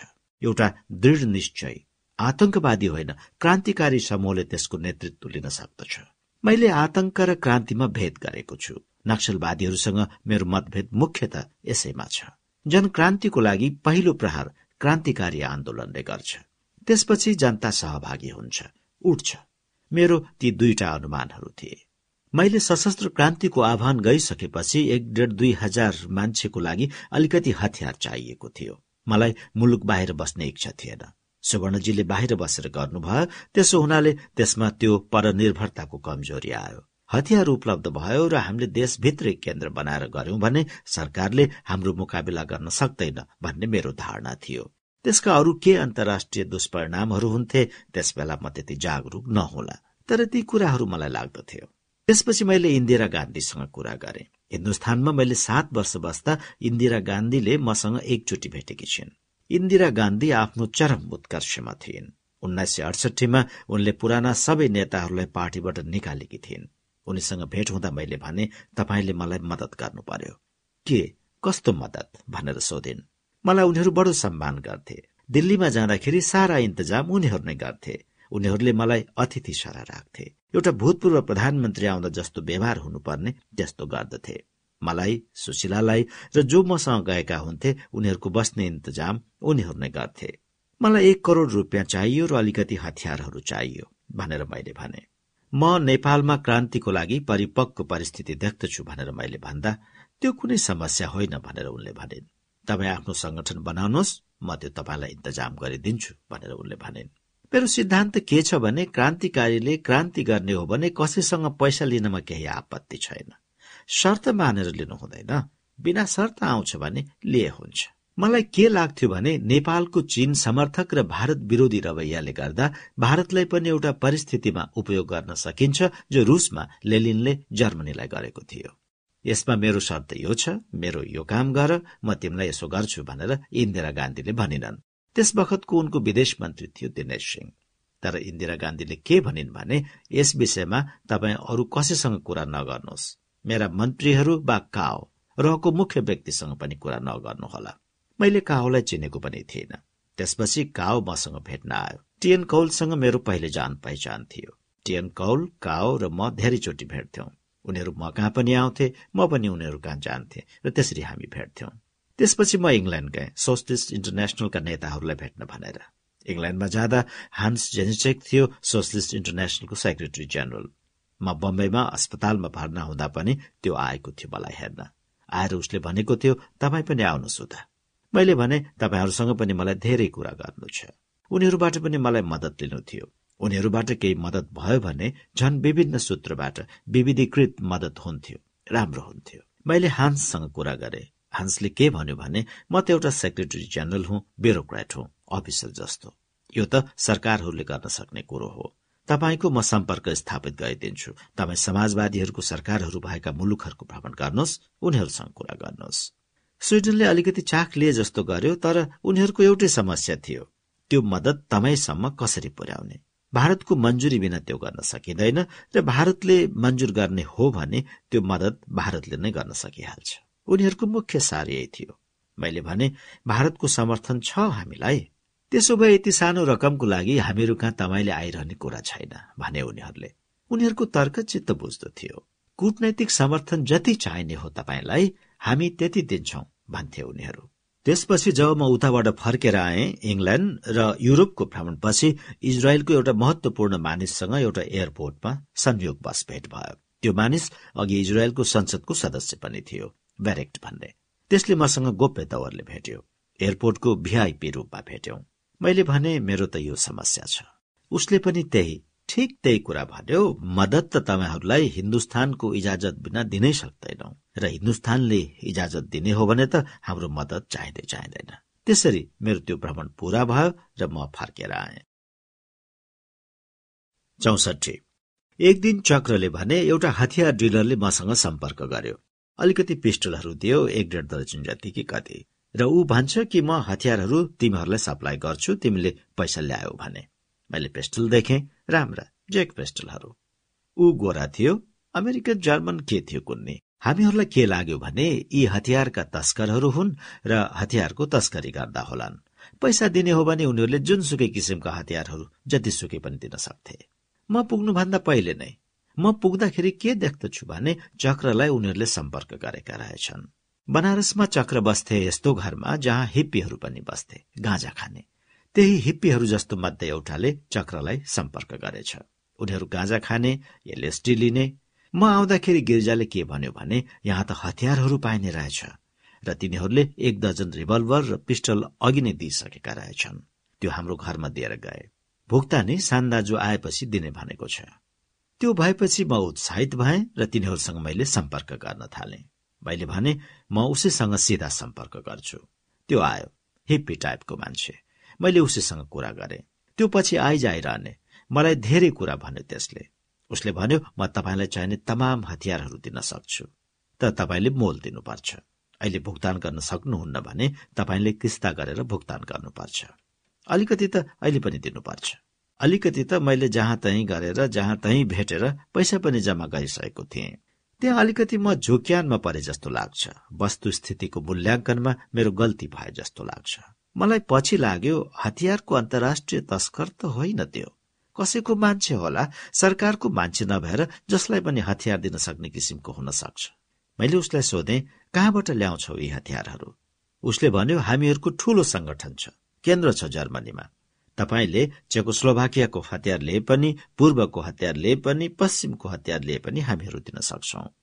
उसले जो रिभल्भर दिएको थियो त्यो एकदम राम्रो फर्स्ट क्लास ज्याक रिभल्भर थियो। आजकल पो आतंकवादीहरूको कुरा सुन्दछु। तिनलाई हतियार दिनेले नै दिएको पनि हुन सक्दछ। हिन्दुस्तानको मान्छे पनि हुन सक्छ त्यो। मलाई आजकल हिन्दुस्तानकै मान्छे हो त्यो भन्ने लाग्छ। त्यो रहको मान्छे जस्तो लाग्छ। म इङ्ल्याण्ड जाँदाखेरि रहको मान्छेले मलाई भेटेको थियो। पैसठी इङ्ल्याण्ड जाँदाखेरिको कुरा भनौं। म युरोप जान थाल्दाखेरिको कुरा भनौं। म युरोप जान थाल्दा मलाई पासपोर्ट चाहियो। मलाई स्वास्थ्यको आधारमा पासपोर्ट देऊ भने। मेरो स्वास्थ्यको परीक्षण पनि गराउनु थियो धेरैसँग मलाई भेट्नु पनि थियो। पासपोर्टको लागि पहिला मैले नेपालमा नै निवेदन पठाएँ। त्यसमा मलाई बडो नराम्रो किसिमको चिठी लेखिएको छ। त्यो प्रकाशित भइसकेको छ। त्यसपछि मैले जानु त कुनै पनि किसिमले थियो। त्यसो हुनाले मैले अन्तर्राष्ट्रिय नियम र प्रचलन मुताबिक कुनै पनि सरकारले बाहिर जाने राहदानी इन्कार गरिएको विदेशीलाई दिइने किसिमको राहदानीको लागि मैले हिन्दुस्तानमा निवेदन दिए। एउटा परिचय पत्र हुँदो रहेछ। विदेशीले प्राप्त गर्न सक्ने। मसँग छ त्यो परिचय पत्र त्यो यात्रा पत्र मात्र होइन। त्यसमा लेखेकै हुँदो रहेछ स्पेशल पासपोर्ट त्यसले गर्दा मलाई यात्रा गर्न अत्यन्त गाह्रो परेको छ। जस्तो म इङ्ल्याण्ड जान थालेको जान पाइन। पहिले म जर्मनी गए। जर्मनीमा नेपालीलाई भिसा नचाहिने भारतीयलाई पनि भिसा नचाहिने। फेरि जर्मनीमा सोसलिस्टहरूको सरकार छ। मेरा सब साथीहरू सरकारमा छन्। सोसलिस्ट इन्टरनेसनलको निम्तोमा म गइरहेको छु। त्यसो हुनाले त्यहाँ प्रवेश गर्न झन सजिलो छ भनेर म त्यहाँ गएँ। गएको त फ्रेङ्कफर्टबाट मलाई बाहिर जान दिँदैन मैले भने मलाई त तिमीहरूले सोध्ने पनि होइन। जुनसुकै दृष्टिबाट पनि मलाई रोक्न मिल्दैन। किनभने एक त मैले हिन्दुस्तानको वैध यात्रा पत्र पाएको छु र अर्को त्यस यात्रा पत्रमा म नेपालको नागरिक हुँ भन्ने पनि स्पष्ट छ। दुवै अवस्थामा तिमीले त मलाई रोक्न पाउँदैनौ। उनीहरूले भने हामीहरूलाई गाह्रो त्यही परेको छ। तिमी नेपाली पासपोर्टको आधारमा आएका छैनौ र तिमी भारतीय नागरिक पनि होइनौ। तिमीसँग हिन्दुस्तानको यात्रा पत्र छ हामीहरू छोड्दैनौ। दिनभरि मलाई त्यहाँ राख्यो। मैले पुलिसलाई तिमी यहाँको एसपीडीको महामन्त्री ड्रिङ्गललाई खबर गर भन्दा यो हामी गर्न सक्दैनौ भन्यो। अनि हान्स जेनिस्टेक कहाँ? लन्डनमा टेलिफोन गर्न लगाए। त्यहाँबाट हान्स जेनिस्टेकले आफ्नो सहायक वेलकम भन्नलाई पठायो। त्यो आयो र त्यसले आफ्नो ग्यारेन्टीमा मलाई बाहिर लग्यो। अनि सात दिनको स्पेसल पर्मिटमा बसे। त्यसले त्यहाँबाट ट्याक्सीमा बोन लिएर गयो। बोनमा त फेरि एसपीडीको अतिथि भएर बसे। बडो राम्रो होटलमा। उनीहरूसँग कुराकानी गरे अब सात दिनको अनुमति सिद्धिन थाल्यो। मैले अब कहाँ जाने? इङ्ल्याण्डको निम्ति इङ्ल्याण्डले भिसा दिँदैन किनभने राजा इङ्ल्याण्डमा छन्। यता अनुमति बढाउन मान्दैन र उता इङ्ल्याण्डको निम्ति भिसा दिँदैन। सोसलिस्ट इन्टरनेसनलले सब ठाउँमा टेलिफोन टेलिग्राम गरिरहेको छ। यिनलाई जान देऊ भनेर। तर त्यहाँबाट कडाइका साथ रोकेका छन्। त्यसपछि बल्ल बल्ल उनीहरूले के खबर गरे भने तपाईँले बन स्थित स्वेडिस एम्बेसी मार्फत भिसाको लागि निवेदन दिनुहोस्। मैले निवेदन दिएँ र मैले स्वेडिस सोसलिस्ट पार्टीको उल्लेख पनि गरेँ त्यसमा। मेरो समय सिद्धिन थाल्यो जर्मनीमा। एक दिन मात्र बाँकी छ। अनि उहाँबाट त्यति चाँडो भिसा हुन सक्दैन भन्यो। हामीहरूले खबर गर्दा खबर पाउँदा दुई दिन त लाग्छ लाग्छ। मैले सातौं दिनको दिन जर्मनी छोड्नु परेको छ। आधा रातपछि त मेरो इजाजत सकिन्छ। त्यसपछि स्वेडिस पार्टीको सेक्रेटरी कहाँबाट खबर आयो तिमी आऊ भिसा बेगर एयरपोर्टमा हामीहरूले व्यवस्था मिलाउला। म बिना भिसा एयरपोर्टमा पुगे। मलाई लिन त्यहाँ स्वेडिस सोसलिस्ट पार्टीको विदेश विभागकी प्रमुख आएकी रहेछ। उसले मलाई लगेर एउटा होटलमा राखिदिए अनि मेरो कुराकानी तिनीहरूसँग भयो। कुराकानी गर्दा उनीहरूले त्यही भने भारतको सहानुभूति तिमीलाई नभइकन हामी केही गर्न सक्दैनौ र भारतको सहानुभूति तिमीलाई भयो भने हाम्रो मदत किन चाहियो? भारतको सहानुभूति भएन भने तिमीलाई हाम्रो हतियारको कुरामा तिमीलाई मदत पनि पुग्न सक्दैन। यही कुरा गरे उनीहरूले। धेरै कुरा भयो। मेरो अनुभव के भयो भने उनीहरू नेपालमा अभिरुचि राख्दैनथे। उनीहरू अफ्रिका महाद्वीपमा चाख लिन्थे किनभने त्यहाँ तत्कालका लाभहरू थिए। मलाई के लाग्यो भने सोसलिस्ट भनौँ वा जे भनौँ केवल उनीहरू छवि प्रदर्शित गर्दा रहेछन्। हामीहरू बडो अभिरुचि राख्दछौ भनेर र यथार्थमा ठोस र व्यावहारिक कुरामा नगएर केवल छवि प्रदर्शित गर्दछन्। मलाई त्यो लाग्यो आफ्नो अनुभवको आधारमा र स्वेडनमा मलाई त्यो लाग्यो। मैले हान्स जनिसेकलाई भने पनि पछि त्यो हो उसले भन्यो। अहिले अफ्रिकामा संलग्न हुँदा धेरै प्रतिफलको सम्भावना छ। त्यो एउटा व्यावहारिक ध्यान हो। सोसलिस्ट पार्टीमा एक भन्दा एक बढेर काला अफ्रिकाको बारेमा जान्दथे। यद्यपि त्यस क्षेत्रमा त सोसलिस्टहरूको कुनै संगठनात्मक ताकत पनि छैन जसलाई उनीहरू समर्थन गरेर हिँडिरहेका थिए ती सोसलिस्ट संगठनका नेता थिएनन्। म त्यस बखतमा अलि निराश जस्तो पनि भए। त्यहाँ स्वेडेनमा पनि मेरो सात दिन बस्ने अनुमति छ। त्यसपछि बस्न पाएन अब कहाँ जाने?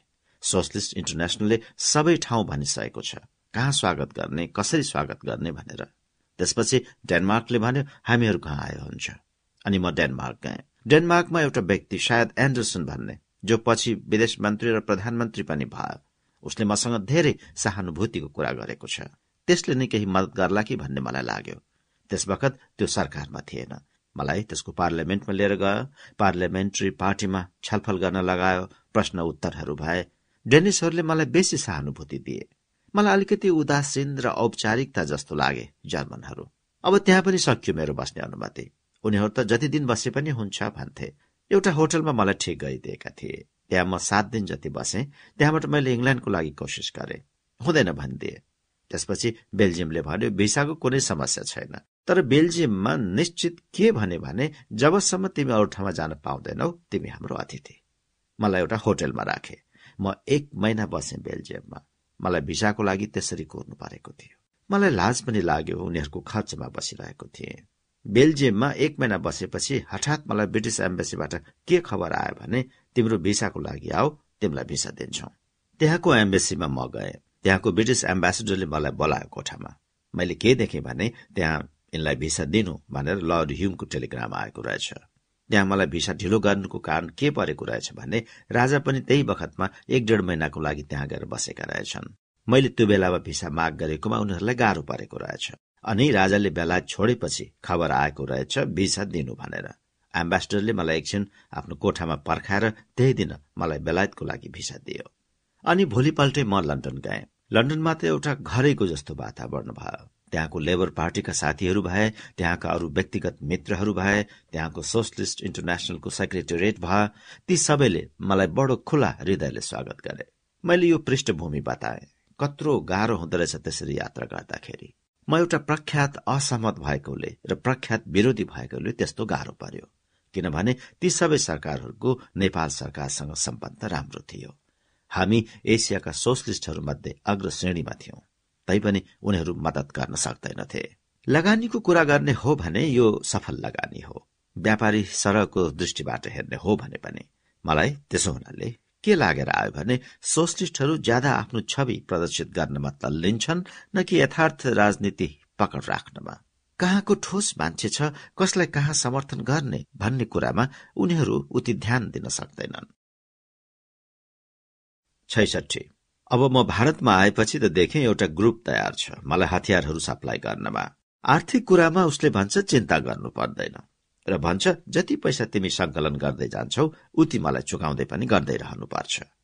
त्यसपछि त्यसले हतियार सप्लाई गर्न थाल्यो। पहिले रिभल्भर दियो त्यसपछि राइफल भन्यो राइफल दियो। अब हामीलाई त्यो राख्ने ठाउँ छैन। हामीहरू संगठित छैनौ। हामीहरूलाई लाग्यो संगठन त हामी गरौंला रे। तर यो सजिलैसँग उपलब्ध छ त्यसलाई कसरी कायम राख्ने? मेरो त्यो थोत्रो घर थियो जहाँ म बसेको थिएँ। कस्तो थोत्रो भने हिँड्दा हल्लिन्थ्यो र पाप्रो खस्थ्यो। एक हिस्सा ढलिसकेको थियो। त्यस घरको एउटा कोठामा मेरो र सुशीलाको एउटा सुत्ने कोठा थियो सानो कोठा थियो। बक्सामा त्यही बन्द गरेर एउटा काम्लोले छोपिदिएको थियो। अरू कुनै उपाय नै थिएन। त्यसरी हतियारहरू आउन थाले। त्यो मान्छेले पछि मलाई दुईटा कुरा भन्यो। तिमीहरू क्रान्तिकारी हुन सक्दैनौ। तिमीहरूमा निष्ठुरता छैन। तिमीहरूलाई मुक्त गरेर राजाले गल्ती गरे। मैले भने के गर्नु पर्थ्यो राजाले?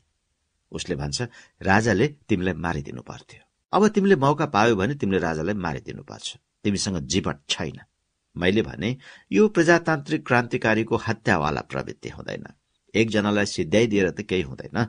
हामीहरूले हतियार लिएको आतंकवादी आन्दोलनको लागि होइन। यो त एउटा जनक्रान्तिलाई प्रेरित गर्नको लागि मात्र हो। यो आतंकवादी आन्दोलन होइन। मलाई हतियारहरू सप्लाई गर्ने त्यस मान्छेसँग भएको मेरा यी कुराहरू बडो विचारणीय छन्। अब समस्या के भयो भने हतियारहरू पनि आउँथे। मान्छेहरू पनि खटाखट उपलब्ध हुन थाले आउन थाले अनि पैसाको कमी हुन थाल्यो। अब के गर्ने भन्ने कुरा चल्यो। कतिजनालाई भने नेपालमा भने भारतमा भने सबैलाई भने तर त्यस स्तरमा पैसा पाइरहेको थिएन। यसै बीचमा मसँग हतियारहरू थिए तर हाम्रो एक्सन शुरू भएको थिएन। बंगलादेशको संघर्ष शुरू भयो। हिन्दुस्तानले मदत गरिसकेको थिएन। बंगलादेशका मान्छेहरू मनेर आउँथे। बंगलादेशका पहिलेका सोसलिस्टहरूले भारतको विभाजन भन्दा पहिलेका सोसलिस्टहरू मलाई केही व्यक्तिहरूको परिचय गराइदिए। उनीहरूले मसँग अलिकति हतियार मागे। मसँग एक ट्रक जति हतियार जम्मा भइसकेको थियो। अलिअलि गर्दा गर्दै त्यति जम्मा भइसकेको थियो। उनीहरूले जयप्रकाशजीलाई पनि गुहारे बीपीलाई भनिदेऊ भनेर। जयप्रकाशजीले मलाई भने उनीहरूसँग पैसा छ मुजिबको ग्रुपसँग। हतियार तिनीहरू पाइरहेका छैनन्। केही युवकहरू हतियारको लागि म कहाँ आइपुगेका छन्। तपाईँले हतियारको व्यवस्था गरिदिन सक्नुहुन्छ भने गरिदिनुहोस्। पैसा उनीहरू दिन्छन्। र तपाईँलाई हतियार सप्लाई गर्ने जुन ग्रुप छ त्यससँग उनीहरूको सम्पर्क गराइदिनुहोस्। उसले उता सप्लाई गर्छ। उनीहरूसँग त लन्डन ब्याङ्कमा सयौं लाख पाउन्ड जम्मा भएको छ।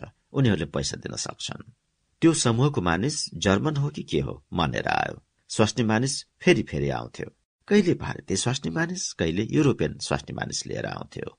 त्यसमा मैले त्यो भन्दा उसले भन्यो होइन तिमी आफ्नो क्रान्तिको कुरा गर। त्यो जताततै हामी दिँदैनौ। मलाई त्यसबाट चिसो पर्नुपर्ने नि। हतियारको तस्करी गर्ने मात्रै भए त त्यहाँ नगद पाइरहेको थियो। दिँदैनौ भन्यो र दिएन। त्यस कुरामा पश्चिमी देशहरूको समर्थन थिएन। हिन्दुस्तानी सेना जानले एउटा विदेशी हस्तक्षेप भएको त्यहाँ महसुस हुन्थ्यो। सोसलिस्ट पार्टीहरूमा पनि फरक थियो। सोसलिस्टको हैसियतमा के निर्णय गरे मलाई थाहा छैन तर व्यक्तिगत रूपमा त्यसमा फरक दृष्टिकोण थियो। उनीहरूको भनाइ के थियो भने यो आन्तरिक मामिलामा हस्तक्षेप भयो। यस सम्बन्धमा मेरो दुई पृथक मापदण्ड छ। एउटा मापदण्ड के छ भने जनताको प्रजातान्त्रिक हकहरूको पुनस्थापनाको कुरामा अन्तर्राष्ट्रिय स्तरको औचित्य रहन्छ। त्यसको औचित्यमा विवाद होला त्यो गर्नुहुन्छ कि हुँदैन अर्कै कुरा हो। म एउटा सैद्धान्तिक कुरा राख्छु। अधिनायकवादी शासनको औपचारिक दर्जाको औचित्य रहँदैन। त्यो सेना जो पाकिस्तानको अधिनायकवादी व्यवस्थाको विरूद्धमा प्रयोग भयो त्यो कुनै प्रजातान्त्रिक व्यवस्थाको विरूद्धमा पनि प्रयोग गर्छु भन्न पाइँदैन। त्यसमा म दुई पृथक मापदण्ड प्रयोग गर्छु। र मैले यो पनि भन्थे कि पाकिस्तानी सेनाको चरित्र र भारतीय सेनाको चरित्रमा भिन्नता छ। बंगलादेश एउटा स्वतन्त्र राष्ट्रको सम्पूर्ण चरित्र राख्दथ्यो र स्वतन्त्र हुन खोजिरहेको थियो। अन्ततोगत्व इतिहासले सिद्ध पनि गर्यो कि त्यो एउटा स्वतन्त्र राष्ट्र थियो। मैले त्यही धारणा र मान्यतामा त्यसै उनीहरूलाई त्यहाँ मदत गरे। त्यहाँ हतियार गयो त्यो स्वतन्त्र भयो। तर त्यसमा हिन्दुस्तानको यस्तो नियन्त्रण कायम भयो कि उनीहरूले लुकेर मात्रै मेरो प्रति कृतज्ञता ज्ञापन गरेका छन्। खुलेआम गरेनन्। कोसिस गरे जयप्रकाश नारायणका साथीहरूले अरूहरूले कि जयप्रकाशलाई एकपल्ट बोलाऊ उनलाई इज्जत देऊ भनेर। त्यसो गरेनन्। भनी पठाए मलाई गाह्रो परेको छ। किनभने यसो गर्दा इन्दिरा गान्धीसँग नराम्रो हुन्छ। त्यो भयानक पिछलग्गु जस्तो भइसकेको थियो। त्यसो हुनाले मलाई धेरै इज्जत छैन मुजिबर रहमानका प्रति। मैले धेरै मान्छेहरूलाई चिनेको छु उनको माथिल्लो तहका। भित्रभित्री खबर पठाउँथे म कृतज्ञ छु। त्यस घटनामा मैले मदत गर्दा मलाई अलिकति गाह्रो परेको थियो। मेरा हतियारहरू गए। मैले भन्ठानेको थिएँ कि यो एउटा सानो लगानी हो। तर न प्रतिफल छ न हतियार पाइन्छ न त्यसको दाम पाइन्छ। मैले त्यसलाई पूरा गुमाए। त्यसपछि मसँग अब पैसा थिएन। अनि हाइज्याकिङको विचार आयो। त्यो पनि म विस्तारमा भनौँ कि बन्द गरौं। अहिले छोडिदेऊ। परिशिष्ट एक। विश्वेश्वर प्रसाद कोइरालाको यस अधुरो आत्मवृत्तान्तमा समावेश हुन नसकेका त्यसपछिका वृत्तान्तहरूको निचोड सूत्रबद्ध रूपमा यस अपिलले इंगित गर्दछ। आठ वर्ष लामो प्रवासकालीन राजनीतिका वर्णनातीत कटु अनुभवहरूले उहाँलाई नयाँ उत्सर्गको प्रेरणा दियो। राष्ट्रिय मेलमिलापको देशभक्तिपूर्ण उच्चतम नैतिक राजनीतिको नयाँ आयाम बीपीको जीवन पर्यन्तको यात्रा बन्न गयो।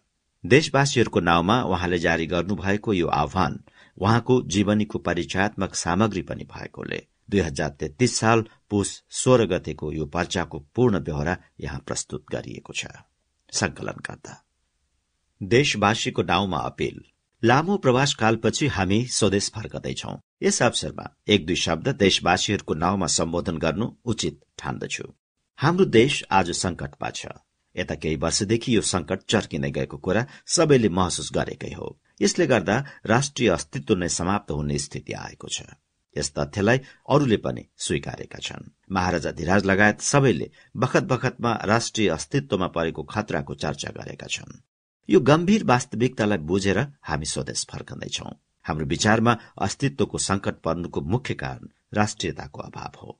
यसले गर्दा हाम्रो देशमा विदेशी तत्व कुचक चलाउन र नेपाललाई अन्तर्राष्ट्रिय षड्यन्त्रको अखडा बनाउन सफल हुन थालेका छन्। राष्ट्रिय एकता सम्पूर्ण जनताको सामूहिक प्रयासबाट हुने अभियान र कार्यले स्थापित हुन्छ। यस्तो सामूहिक अभियानले नेपाली जनताको भावनात्मक एकताको संस्थागत आधार पनि तयार पार्छ। कोरा नाराले मात्र हुने भए सोह्र वर्षमा राष्ट्रिय एकता यसरी छिन्न भिन्न भएर यस सोचनीय स्थितिमा देशले भोग्नु पर्ने थिएन। आज देशमा स्वार्थपरायणता साम्प्रदायिकता व्यक्तिवादी मनोवृत्ति र विदेशपट्टि आमुख हुने प्रवृत्तिको बोलवाला छ। यस्तो परिस्थितिमा सबभन्दा पहिलो हत्या राष्ट्रियताको हुन्छ। हिजोसम्म हाम्रो संघर्ष जनताको प्रजातान्त्रिक अधिकारको लागि मात्र थियो।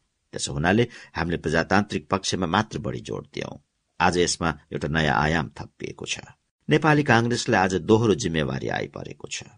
यो दोस्रो जिम्मेवारी हो देशको अस्तित्वको रक्षा गर्ने। हामीले वर्तमान नेपालको परिस्थितिको दुई मुख्य रूप देखेका छौं राष्ट्रियता र प्रजातन्त्र। भन्नुको तात्पर्य के हो भने प्रजातन्त्रको प्राप्ति र राष्ट्रको रक्षा दुवै जिम्मेवारी नेपालीले लिनु परेको छ। यदि हामीले एउटै जिम्मेवारी मात्रको कुरा गर्यौं भने हामी एकपक्षीय भएर गलत बाटोतिर लागेका हुनेछौं। र यदि हामीले प्रजातन्त्र प्राप्तिमा मात्र जोड़ दियौं भने राष्ट्रिय संकटको निवारणमा हाम्रो योगदान रहँदैन।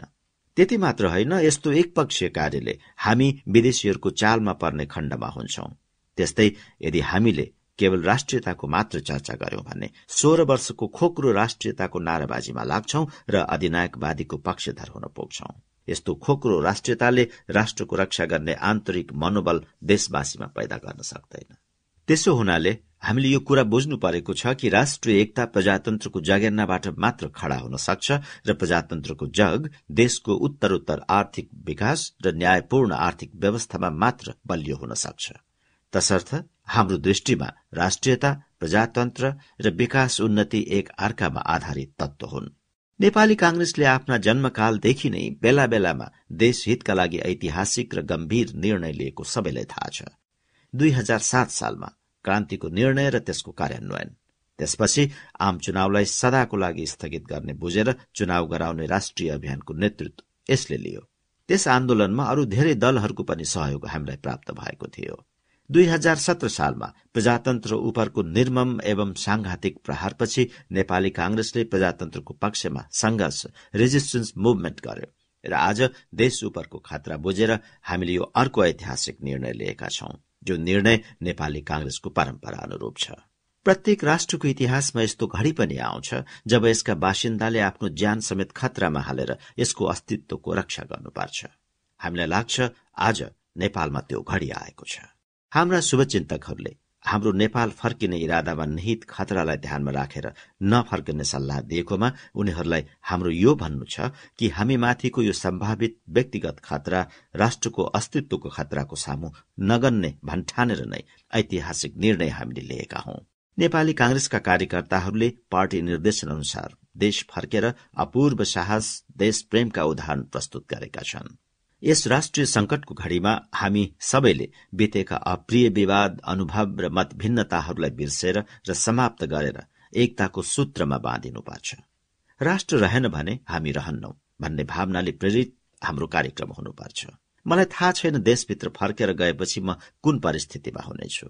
यस वक्तव्यद्वारा नेपाली कांग्रेसको अध्यक्षको हैसियतले सारा देशवासीलाई अपील गर्न चाहन्छु कि राष्ट्रको रक्षा देशको उन्नति जनताको सुख र समृद्धिको पुनित कार्यमा सबै एकमत भएर लागौं।